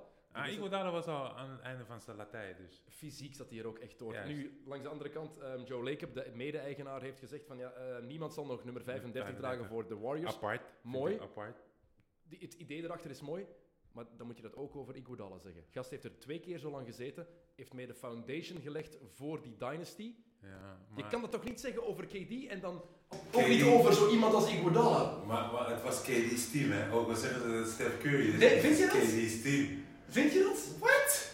In, in Alles draait om KD. Als hij, als hij speelt, dan krijgt hij alle ballen. Dat is waar, maar in San Francisco voor de fans en voor de cultuur fans. daar zagen ze het niet als KD's team. Nee, voor, de, voor, voor, voor, voor de fans niet, maar het is KD's team. En dat, hij, Hij voelde neemt dat, de beslissende schoten ook nog. hij voelde dat als een gebrek aan respect dat ze in Golden State, dat de mensen daar nog altijd keken van ja kijk, het is Ja. Stephen Curry's team. Maar ik snap dat wel. Gedraft door de ploeg, zit er al die jaren, heeft mee de foundation maar, gelegd. Maar hoeveel wedstrijden heeft, heeft Steph Curry, belangrijke wedstrijden, beslissende wedstrijden, heeft Curry wat gedaan? Heeft hij opgestaan en zijn stempel kunnen drukken? Hangt vanaf in welk jaar je het ook je ook doet natuurlijk. Heeft, heeft het genoeg gedaan. hoor. Het ding is, Heeft in de, in- in de clutch in de playoffs, heeft daar is hij niet efficiënt geweest. Hij nooit, is hij nooit efficiënt geweest? Nooit. 0 op 8 in go-ahead shots in de laatste 20 seconden van een playoff match. Ja. Sinds 2014. Dus dat. Dat is inderdaad zo. En KD, denk aan Game 3, Finals 2017. Hij scoort de dagger die Cleveland helemaal uittelt. En die Ja. voor een 3-0 voorsprong zorgt. Dus ik zeg gewoon eerlijk, het was het, in mijn ogen was het KD's team. En wat is het met Brooklyn dan? Want ehm, de Brooklyn Nets in drie jaar tijd van niks Ja, naar de nu grote winnaar. niks. Nee, oké, maar niks. ze hebben nog steeds niks. Sava op zeggen. Ehm, vooral Kevin Durant komt terug. Achillespeesblessure. Ergste blessure die je als basketballer kan hebben. Ergste blessure. Maar zelfs als Kevin Durant ooit terug 80% Kevin Durant wordt, is hij nog altijd beter dan 90% van alle andere NBA-spelers. Inderdaad, inderdaad. En Brooklyn is op dit moment hè, een, een, een geweldige ploeg op papier.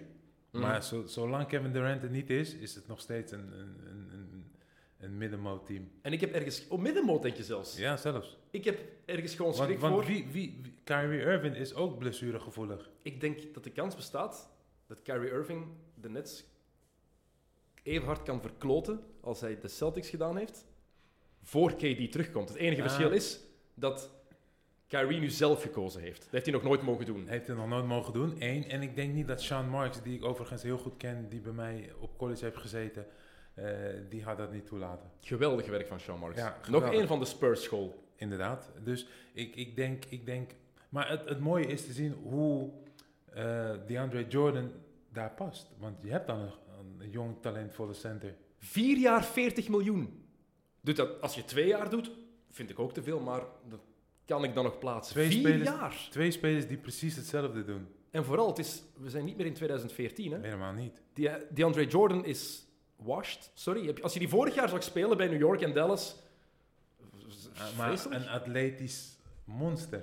Ja, maar niet meer wat hij was daarvoor. Hè? Ja, maar dat was. Ja, dat, Ja. dat is niemand natuurlijk. hè. Dat, kan je ook, dat, dat, dat is weer een vergelijking. Ja, maar dat, maar dat is de DeAndre Jordan die ze zouden willen hebben nu. En nu hebben ze iemand die dat maar misschien is het gewoon van de bank af als security. ja, beste En om zo'n speler op te leiden, dat kan niet. Dat zou hij mo- mogelijk moeten kunnen. En het is een vriendendienst. Een goede vriend van Kyrie en van KD. En ze hebben Inderdaad, daardoor minder is, geld. Dat is ook wat LeBron James doet. Die had awesome maten bij Cleveland.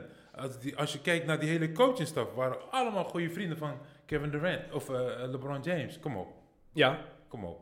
ze hebben, wat is het, Kyrie en KD hebben wat geld laten liggen eh, nu. Maar als je die ploeg bekijkt, Ja. ze hebben ook een paar goede spelers aangetrokken. Oké, ze hadden eh, Jared Allen al, ehm Dinwiddie, Caris LeVert. LeVert, als die terug helemaal fit raakt, vond ik een hele Geweldige speler. Vond ik een all-star voor hij Ja, uitviel vorig ja. jaar. Super Ehm, schutter. Joe Harris, driepuntkampioen. Driepunt kampioen, geweldige schutter ook. Zet die in de hoek. En gewoon elke keer laten knallen. En dan hebben ze daar nu bij Garrett Temple en Torian Prince. Ja, Nuttige maar spelers. Geen echte power forward. Nee. Is dat nog nodig tegenwoordig? En dat is de wel vraag. Een hè? speler die, die ja, zolang je KD niet hebt, is Hm. het wel nodig, denk ik. Hè? Eh, Ja, de Nets doen dit jaar niet mee, hè? Nee. Ja, ge- gewoon geen, geen, geen, geen verdedigende, overklassende speler. Ehm, blijkbaar ehm, was een van de grote dingen inderdaad dat ehm, Kevin Durant zijn eigen ploeg wilde. Dat hij daarom ook weg is bij Golden State, dat hij dat gevoel echt wilde hebben. Ehm, en volgens Steve Nash, iemand die bij Golden State veel met Kevin Durant heeft samengewerkt, als adviseur daar samen getraind vaak, ehm, zei dat Durant blijkbaar niet die voldoening voelde die hij had verwacht na die eerste titel. En dat dat heel veel veranderd heeft. Dat hij gedacht had, dit gaat alles veranderen, kampioen spelen. En dat dat toch niet zo was. Ja, maar dat is ook natuurlijk lastig als jij, als jij, als jij naar een ploeg gaat die al een keer kampioen is geworden. En dat jij dan denkt van, weet je wat, hier hoor ik bij. Nee, jij, jij hebt jezelf eigenlijk, zo moet ik het zien, je hebt jezelf ingekocht bij een kampioenploeg. Je had een ploeg bij OKC, maar daar heb je een speler gehad die dacht van, ja, ik ben beter dan jou. En nu heb jij bij, bij, bij, bij, de, de, eh, bij Brooklyn precies dezelfde situatie. Met een Kyrie Irving die denkt dat hij de leider is. En die gedachte gaat hij blijven houden. Je, je- je- als ik je zo bezig hoor, lijkt je me niet te geloven in wat de Nets aan het doen zijn. In de combinatie Kyrie-KD. Dat, dat, dat lijkt me echt sterk. Ja? Dat lijkt me echt sterk. Waar, waar- omdat net do- door het karakter van Kyrie Irving en Kevin Durant? Ja. Want als het al niet heeft gewerkt bij Cleveland. En hij gaat naar Boston. Daar kon hij zijn stempel drukken. Heeft ook niet gewerkt. En nu gaat hij naar Brooklyn. Denk je dat, waarom zou het daar wel werken? Terug naar huis, hij komt van New Jersey. Dus voor hem... niks met... met, met Nee, maar misschien is zijn mentaliteit dan ook anders, wil ik zeggen. In Boston was hij, maar daar wie, is hij naartoe wie, getraind. wie, zou, wie, zou, wie zou daar tweede man willen zijn? Dus eigenlijk hetzelfde geldt van toen LeBron James naar Miami ging. Dwayne Wade was daar de man. Hm.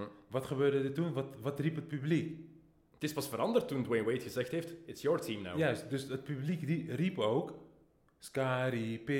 Tsch, tsch, Ja, dat is juist, juist, dat is juist, Ja. juist. Dus dat is, dat is precies hetzelfde. Ik bedoel, je bent nog steeds backseat to... Want, want Kevin Durant heeft die stempel. De beste speler in de NBA. Het was zeker voor hij geblesseerd uitviel. geblesseerd Dit was- jaar wisten we het eigenlijk Ja. voor de eerste keer. Hij is de beste van de De wereld. beste van de wereld op dit moment. En nu raakt hij geblesseerd. En nu heb je Antetokounmpo. Is dat de beste volgens jou? Nou, voor- is, is gewoon een indrukwekkende speler. eh. Want voor mij, als je puur basketbal bekijkt, is hij niet de beste speler in de NBA. Nee. Dat is Kawhi Leonard. Nou, wat hij gedaan Kawhi heeft in de Leonard, finals. eh, want, want eh, Antetokounmpo overklast gewoon. Mhm. Overpowered. Op alle vlakken. Op alle vlakken. En ongelooflijk hoe sterk die man is. En hoe, hoe skinny die is eigenlijk. Mhm. Maar gewoon breed en, en overpowered je gewoon op elke positie. En op één been, hè. Want Kawhi Leonard, iedereen, we hebben het over de blessures allemaal gehad van Durant en van Clay Thompson. Kawhi Leonard speelde ook op één been. Die quadriceps was niet in orde tijdens de finals. Beeldjes in wat hij kan doen als hij helemaal fit is. Ja. Hij heeft een geweldige serie gedraaid. En dus dan is het nog steeds de vraag... Wat was nou precies het probleem dat jij wegging bij de Spurs? Ehm, een, een misdiagnose? blijkbaar. Als dat het echt is... Wantrouwen in de medische staf en blijkbaar ook van hij hoorde genoeg. Het is wat de, de journalisten zeggen die daar echt elke dag zitten. Hè. Dus die hebben veel bronnen. Ehm, blijkbaar ook dat er heel veel twijfels waren of hij wel of niet echt geblesseerd was. Een gebrek aan respect. En bij Amerikanen weegt dat dan- vaak nog iets harder door dan bij ons Ja, Europeanen. maar die organisatie maakt niet zoveel fouten. Ja, jij weet het, jij, hebt er het gespeeld. is de beste organisatie in de NBA. Er moet toch iets gebeurd zijn, Ik Francisco? weet niet Het wat. kan toch ik niet weet anders? Niet wat. Ik weet niet wat. Of die markt is gewoon te klein.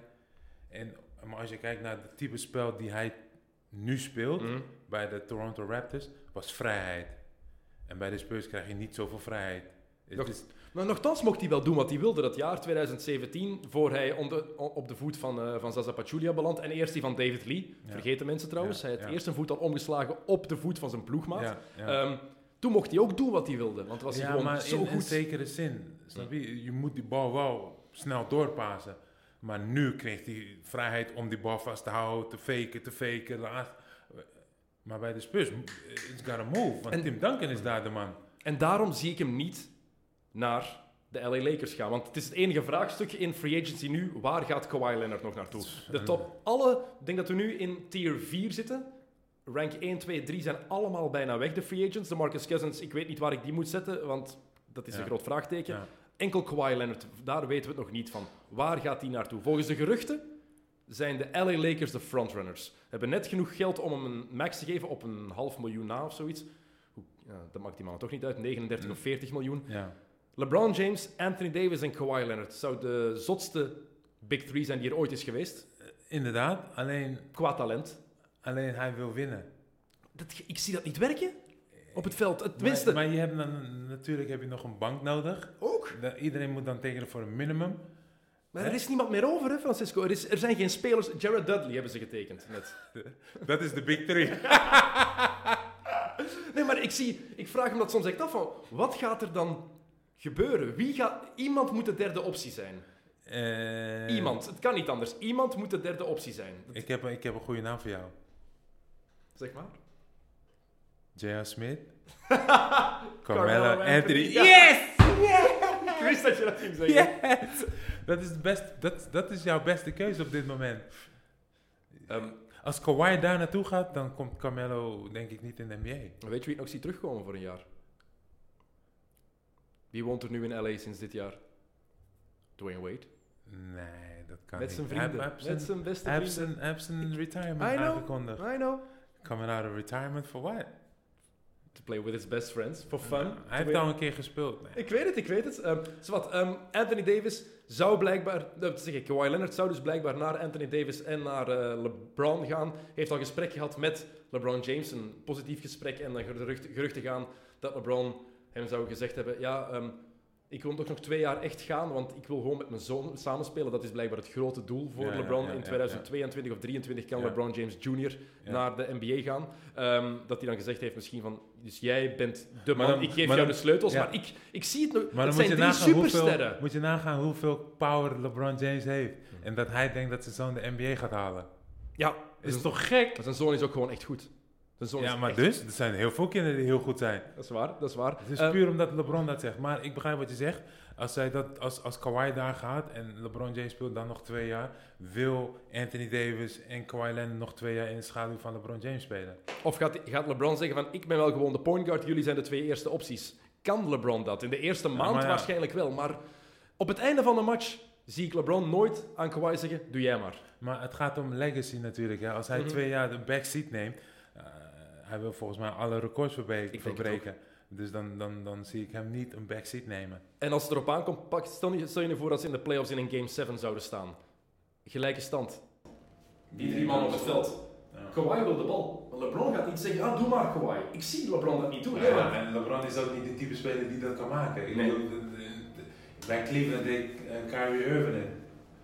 Snap je? Ja, tu- ik, ik En geef heel lang was het Ray Allen. Ja? Dus eh, ik, ik zie, ik, als, als ik Kawhi zou zijn, zou ik of bij Toronto blijven of, of naar LA Clippers. Want die hebben ook een mooie core met spelers eh, waar je eh, waarschijnlijk op den duur een mooie eh, ehm, carrière kan hebben. Ik was net aan het kijken. ehm, de Clippers natuurlijk, die hebben geen tweede grote naam. Kunnen ook geen aantrekken. Hebben natuurlijk wel de cultuur. Hebben Doc Rivers daar. Hebben met Jerry West daar een hele goede Ja. adviseur in de front office. De Ja. Raptors, de keuze je titel verdedigen. Maar Inderdaad. In de, voor de toekomst een oudere ploeg. Lowry wordt ouder. Marc Gasol gaat ook niet lang meer meegaan. Dus dat is ook geen...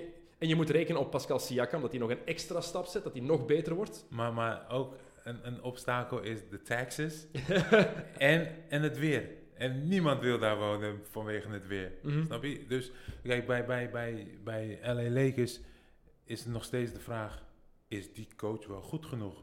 Frank Vogel. die rare vogel. Hè? Is hij wel goed genoeg om LeBron James onder controle te houden? Ja. En ik ben ook benieuwd, stel dat ze Kawhi krijgen, hoe gaan ze die ploeg voor de rest nog vullen? Het gaat, het gaat ongelooflijk interessant worden. Dat is zeker interessant. dus jij zegt niet naar de Lakers. Dus Ik- als, ik- jou, als jij gokt, een van die drie ploegen. Ik zou zeggen van LA Clippers. Oké, terug naar huis. Het zou de eerste superster zijn ooit die zijn ploeg verlaat na het winnen van een titel. Niet op pensioen gaan, maar echt naar een andere ploeg gaan. De eerste ooit. Ka- Kawhi Leonard toch een, vre- Ja, een als- vreemd figuur toch, die gast, hè? Vreemde gast, ja. Maar mocht hij Want hij, hij, is bij LA Dodgers eh, is hij geweest. Mhm. En, en ja, als hij, naar LA, eh, als, hij naar, als hij naar LA toe gaat, ja, dan, dan, dan, dan, eh, ja, jammer. Natuurlijk, als je naar LA gaat, waarom zou je voor de Clippers gaan spelen als je naar de Lakers kan? Bijvoorbeeld. Ook wel waar. Als Ja. je naar Rotterdam komt, waarom zou je voor Sparta spelen als je naar Als je naar Feyenoord Feyenoord kan. Ja. Ergens wel vergelijking. Oké, Dus, ehm, dus misschien heb je wel gelijk dat hij naar de LA Lakers gaat, maar hij houdt gewoon eventjes iedereen in spanning. Ja, maar dat is, niemand weet iets van Kawhi. Ehm, mijn twee grote winnaars van deze free agency zijn niet de Brooklyn Nets of de LA Lakers voorlopig, maar ehm, zijn de Utah Jazz en de New Orleans Pelicans. Eerst Pelicans, David fucking Griffin. Ja. Ehm, Dan Gilbert, dat het een aap is, de eigenaar van de Cavaliers, wisten we al. Ongelooflijke sukkel na die brief Ja. voor LeBron in 2010. Ja. Nu heeft David Griffin geen contractverlenging willen geven. Wat die gedaan heeft met Anthony Davis, wat hij daar allemaal heeft uitgehaald. Die ploeg nu, ehm, ik heb het hier opgeschreven, om de Pelicans rotation. Dus starters zouden zijn Lonzo Ball, Drew Holiday, Brandon Ingram, Zion Williamson, Derek Favors.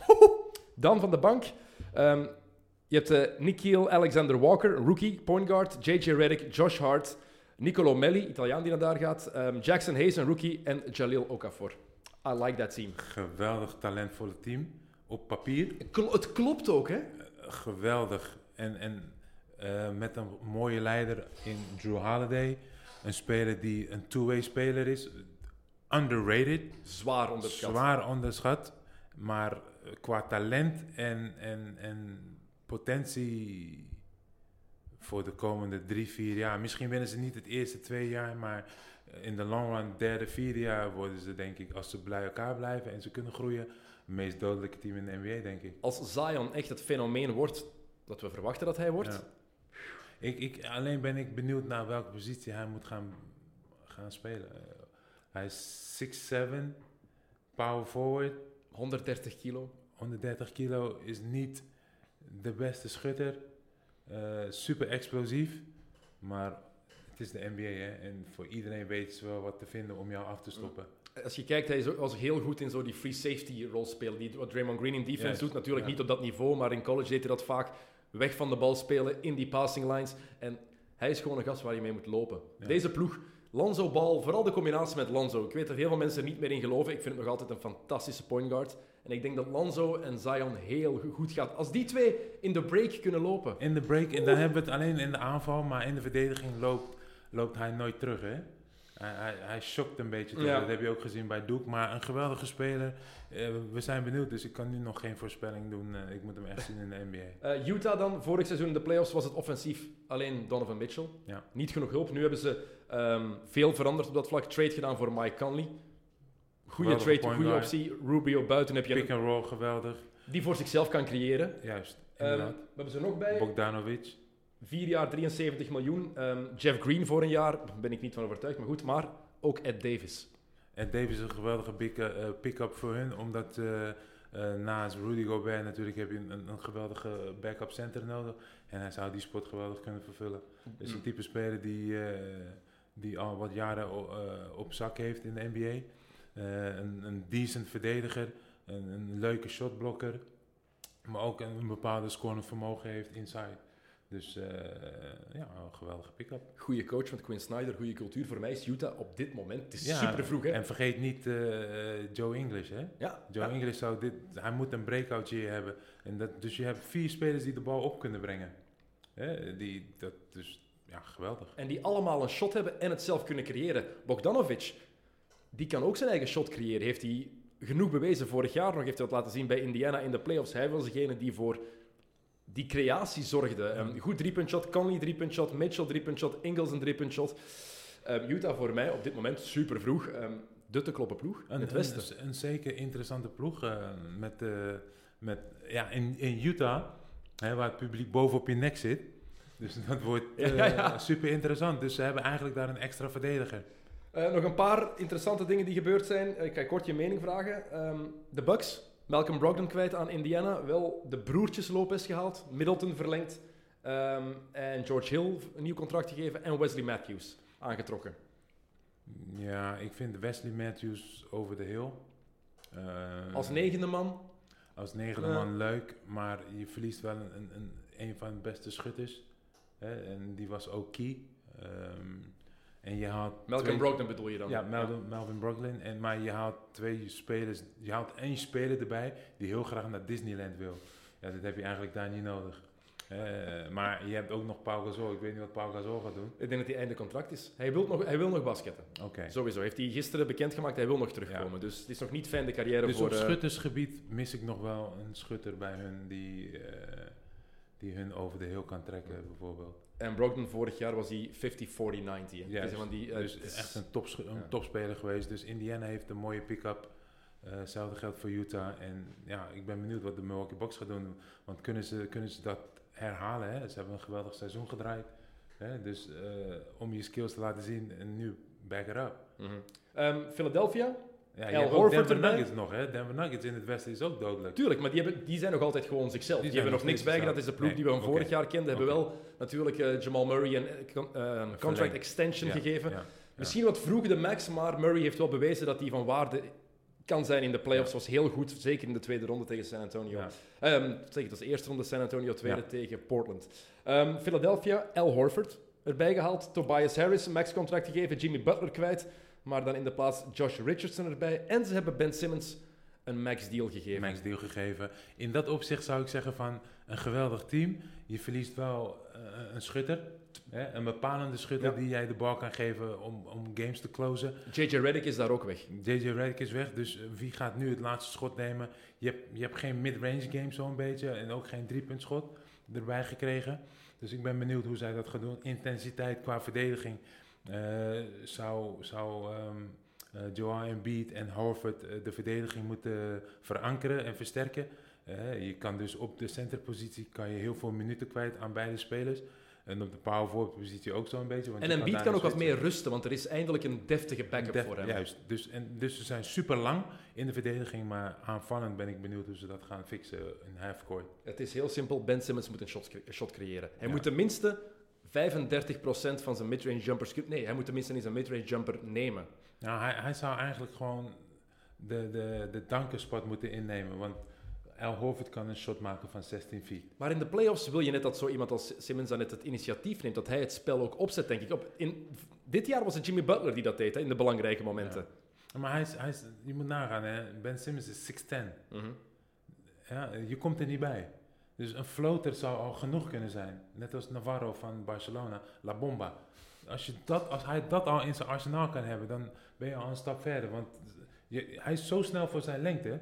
En jump hook, ja, je hoeft niet altijd van buiten een schot te hebben. Maar als jij die spelers, want iedereen die hem gaat verdedigen is undersized. Mhm. Als jij die drie grote gasten op het veld hebt met een eh, Tobias Harris, dan is er overal een mismatch. Feit? Er is altijd een mismatch. Mhm. Of niet? Ja, het is zo, ja, absoluut. Ik ben alleen benieuwd. Vorig, ze, hebben, ze zakken zo ver af dat het voor hem moeilijk is om in bepaalde posities te komen. Maar dan zou jij toch kunnen zeggen van, oké, jij zakt zo ver af. Nou, ik, ik draai mijn rug naar je toe, boem, boem, boem, zodra ze komen helpen.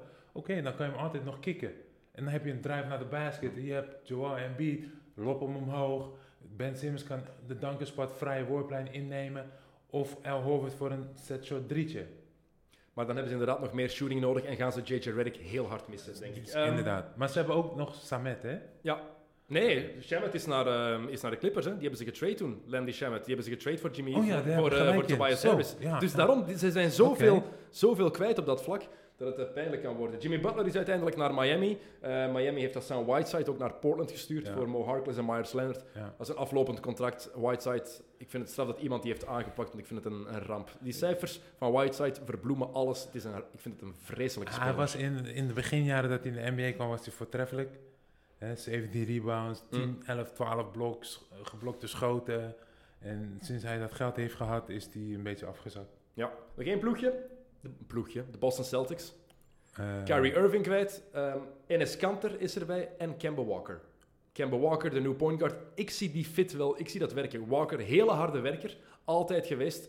Ehm, die een paar jaar geleden nog naar Summer Camp, Summer League was gegaan. Mee ging trainen met de jongens, omdat hij ze wilde leren kennen. Ja. En harder trainde dan iedereen die voor een plekje in de NBA aan het vechten was. Dat zegt alles over de mentaliteit van zo'n speler. Ja, maar ja, dat is ervaring. Ja, maar toch, dan nog, betekent niet dat je dan altijd harder werkt. En hij doet Ja, dat wel. maar, maar, maar dat is één dag natuurlijk. Ja, hoe zien die andere dagen een blijkbaar een volledige Nee. week volgens, volgens de Super. berichten. Super, super spelen, super team. Ik ben alleen benieuwd hoe dat gaat werken. Betere percentages dan Kyrie van achter de driepuntlijn de afgelopen... Het is het laatste 600 matchen, denk ik. Ja. Ehm, Maar hij is ook een type speler die graag de bal in zijn handen heeft. Maar je hebt daar twee talentvolle spelers. En dat is... heet Tatum en Brown, ja. Nou, hier, dan heb ik al genoeg gezegd. Maar Tatum moet wel die stap zetten dan die we hadden verwacht van hem. En die hij vorig Ja, jaar dus niet wie gezet is, heeft. wie is daar de leider? Je hebt niet direct een, een leider zoals El Hofer, dat was eh, twee jaar geleden. Dus ik ben benieuwd wie dat leiderschap gaat opnemen. Terry Rozier is het al zeker niet. Die is naar Die is, eh, die is Charlotte. weg. Weet je voor hoeveel? Ja, dat Drie jaar eh, 57 miljoen. Dat is goed voor die speler. Ik vind hem een leuke speler. Alleen voor de Knicks vind ik dat geen goed team. Voor, voor de Hornets. Voor de Hornets vind ik het een geweldig team. Maar ik vind het veel te veel. Michael Jordan, ik hou van die man, maar wat een vreselijke eigenaar is het toch. Ja, ik bedoel, wat moet je anders met het geld doen? Kan ik Niemand- hem een Walker geven? Nee, maar die speler, hij wilde daar niet meer blijven. Ja, Hij wil winnen. Hij heeft nooit gewonnen, echt super echt veel gewonnen. Dus nu is het een tijd voor hem om, om voorbij de eerste ronde te komen. Ik vind het vooral straf. Kemba Walker heeft nooit meer dan 12 miljoen verdiend bij Charlotte. En dan geven ze nu maar 20 12 miljoen. miljoen is toch genoeg? Maar, ja, maar in vergelijking met bedoel ik. hè? Ja, maar er is niemand anders. Eh, Ik bedoel, anders zit je maar met het geld. het is een hele kleine markt. En eh, ja, aan wie moet je het anders geven? Stop het dan maar in je zak, zou je zeggen, hè? Oké. ehm, het kan natuurlijk altijd erger, eigenaars. Ja. Eigenaar van de Phoenix Suns. En de absolute koning is James Dolan van de New York Knicks. De grootste loser die er in de NBA rondloopt. Uh, Ja. zal waarschijnlijk kwaad zijn dat hij nu minder kan repeteren met zijn band. Hij heeft een bluesband, James Dolan. Echt Ja. super gênant. ja. Ehm, ja, de New York Knicks hebben gefaald. Harder gefaald dan dat ze hadden kunnen falen. Hadden hun zinnen gezet op de grote free agents. Hebben niemand gekregen. En hebben dan moeten settelen voor Julius Randle, Bobby Portis, Taj Gibson, Wayne Ellington, Reggie Bullock en Alfred Payton. Je maakt een grote vergissing. Het is een geweldige knokpartij. Het is een geweldige knokploeg. Want die spelers die je nu allemaal opnoemt, hebben allemaal gevochten een keer in de NBA. Dus James Dolan weet wat hij doet. Als hij backup nodig heeft van iemand die tegen hem roept, iets zegt, stuur die knokploeg. door. Oakley nog eens een... Snap je? Daarom heeft hij dat soort spelers aangetrokken. Maar James Dolan is gewoon, ja, dat is schandalig. Niemand wil eigenlijk bij New York Knicks spelen. Heeft in maart gezegd, we gaan een geweldige zomer hebben. Al die supporters die vragen om de ploeg te verkopen, die kennen er niks van. Letterlijk die woorden. Hè. Ehm, ik kan niet zeggen wie we gaan halen, want dat is dan tampering, maar we gaan een heel goede zomer hebben. Nou, nou hij heeft het, eh, die naam eh, heeft hij, hè? Hetzelfde team. Weet je dat hij een supporter heeft verbannen, Ja, omdat hij zei, hetzelfde team. hetzelfde team, ja. Is toch mooi, hè? Als, Is Als toch je- mooi als jij, als jij zoveel kracht hebt in, New York en dat durft te zeggen. stel je eens voor dat, dat, dat een eigenaar van, van Feyenoord in de Kuip gaat horen naar wat de supporters over hem zeggen tijdens een slecht seizoen. Dan kan je veel mensen buiten zetten, hoor. Maar James Dolan had gehoopt op de nummer 1 draft pick. Ja. En dan zou, dan, dan was hij daar een held geweest. Maar waarom trade je Kristaps Porzingis als je geen zekerheden hebt? Christophe Porzingis wilde daar niet meer zijn. Ja, oké, maar dat, dat is nog iets waar ik, waarvan ik vind dat de niks gefaald hebben. Nu, in free agency, maar daarvoor al doordat je Porzingis niet hebt kunnen overtuigen van waar je met je ploeg naartoe wil, wat je wil doen. Ehm, en je trade Maar- niet zo iemand als je niet zeker bent van die komt of die komt. Nee, maar er is geen visie. Die, Voilà, hele, die, exact. or- die organisatie heeft geen visie in wat ze nou precies willen bereiken. En vandaar dat je ook ziet dat alle grootheden die daar hebben gespeeld, niks met de New York niks willen te maken hebben. Maar de Knicks wie- zijn ook... Die macht is... Die macht, niet, niet juist uitgesproken, maar die, die charme die het had, voor minder en minder mensen speelt dat een rol. Want nu is het, ja, binnen twee jaar Janis Antetokounmpo. Een jongen uit Griekenland, die voelt die magie van de, van de Garden minder dan Amerikaanse jongen. En zelfs die willen niet gaan. En, en, en vroeger was het zo om. Je, je, je- het was de Mecca. Iedereen wilde daar spelen. Kobe Bryant dropte daar hoeveel? 61 punten. Eh, LeBron James ook. Carmelo Anthony. Dat is de place to be om te spelen. Weet je, want het publiek zitten, eh, de belichting, de fans, de beroemdheden die erop afkomen, de garden, midden in het centrum. Kom op. Ja, en de Nets zijn de winnaar van free agency. Kevin Durant en Kyrie Irving hebben voor de Brooklyn Nets gekozen, een ploeg die geen supporters heeft. Helemaal niet, maar nu weer wel. Maar dat kwam alleen maar omdat Jay-Z daar zit. Ja, Rock Nation heeft er veel mee te maken, inderdaad. Eh, want Rock het Nation heeft er veel mee te maken. Jay-Z was eh, voorheen 0,1% eigenaar van de ploeg. Ja, En de, wat is het, denk ik, de CEO van Rock Nation is de tweelingbroer van de CEO van de Nets. Oh, is dat zo? Ja, dus dat is ook nog een extra, een extra ja, band dus- die daar dus- is. Dus Jay-Z heeft daar heel veel te maken. eh, Maar dan nog, Het zijn de- we zijn is- daar straks, waarom zou je naar LA gaan? Waarom zou je naar de Clippers gaan als je naar de Lakers kan? Dit zegt Inderdaad. alles wat je zegt over het gebrek aan visie, het gebrek aan, aan iets bij de New York Knicks. De organisatie eh, en, en ook de behandeling. Hè? Als jij ziet met een type speler als Oakley die jij weg wilt sturen tijdens een wedstrijd, kom op. Ja, het is... Snap je? Dus waarom zou jij daar willen spelen als speler? Eh, terwijl je weet dat de media keihard met jou... eh, als, jij, als jij iets niet goed doet of zo, dat de media je gewoon helemaal afmaakt. Het straf is geen bescherming. het straf is dat James Dolan dan ook nog gezegd heeft van eh, ze hebben geen gesprek gehad, maar als er een was geweest met Kevin Durant, we hadden hem geen max deal aangeboden. Dat zou waarschijnlijk gebeuren, ja. Ja, kom, het, Het zou zonde zijn. het is, het is- Want dat is de grootste speler op dit moment en, en, en daar wil je niet voor gaan. Om jouw publiek terug te kunnen winnen, dan moet je alle stoppen eruit Ik trekken. krijg veel kritiek op mijn kritiek op de New York Knicks, maar voor mij hebben die een, een, een soft spot in mijn hart. Eh, mijn vader is, was een New York Knicks supporter. Mijn vader is overleden toen ik 15 was, dus voor mij blijft het altijd heel, heel speciaal, die ploeg. Ik ben geen New York Knicks fan, maar ik heb er zoveel kritiek op, ook op, omdat ik wil dat die ploeg erbij is. Ik wil de Lakers zien in de playoffs en ik wil de Knicks ook terug zien in de playoffs. En Ja. Boston en Philly en Chicago. Ik wil terug die, de ploegen waar ik ergens mee ben opgegroeid Ja, ook. de ploegen waar grootheden hebben gespeeld, eh, bijvoorbeeld, hè, dat, dat waren die ploegen. Mm. En vooral de Lakers, tien jaar geleden dat ze een titel hebben gewonnen. Wat zeg ik, negen jaar geleden dat ze een titel hebben gewonnen. De Bulls Ja. hebben in de tijd van Derrick Rose goede dingen laten zien. Philly is nu wat terug. Bij New York is dat al twintig jaar huilen Niks. met de pet op. Ja. Want je had, Lee, je had eh, Allen, je had Ray oh, um, Allen Houston, Je had Allen Houston, je had Spreewell, Spreewell Stark, John Starks, Patrick Marcus Camby, je maat. Marcus Camby, Larry Johnson. Kom op. En weet je wie toen? En in 1999 hebben ze de finals gehaald als nummer 8 Als seed. number 8 seed. En daarna heeft James Dolan de ploeg gekocht. I kid you not. En sindsdien... ja, maar het is ook gewoon een hele moeilijke staat om, om vind ik hoor, om, om, om spelers te kunnen aantrekken bijvoorbeeld. Ze hebben altijd klojo's gehad. Ja, maar ze hebben gewoon ook altijd jongens aangetrokken die al over hun top waren. Kijk naar Amari Stoudemire. Ze trekken hem aan terwijl dat iedereen weet zijn knie is naar de zak. Ja, kom maar jongen. En Maar er waren ook geen spelers die daar naartoe willen. nee, ja, dat zegt eigenlijk Het genoeg. is hè? gewoon een hele lastige staat om te spelen. Vooral om die stad. Het is altijd druk en je kan er niet zomaar wonen. Twee, het nachtleven is bizar. Je zou, het is net als Miami of Las Vegas. In Miami kan je nog een beetje tot, tot, tot, tot rust komen hè, vanwege het strand. En, en Pat Riley is gewoon een geweldige eh, president.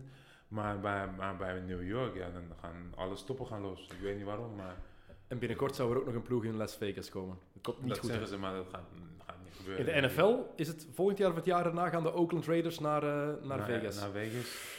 Dat wordt lastig. Het wordt, dat is echt een understatement. Dat wordt echt lastig. Ja, de- De Knicks hadden gewoon moeten proberen om David Griffin binnen te halen toen die op de markt was. Een Ja. goede general manager die nu bewijst dat hij de Pelicans... maar als jij zegt dat... Ja, dat is goed. Als jij een condoomfabriek bent... eh, maar verdien je nog veel meer... verdien dan nog veel meer dan een eh, NBA-ploeg? ja. Even serieus? Dat is mooi. Oh, dat is een hele mooie.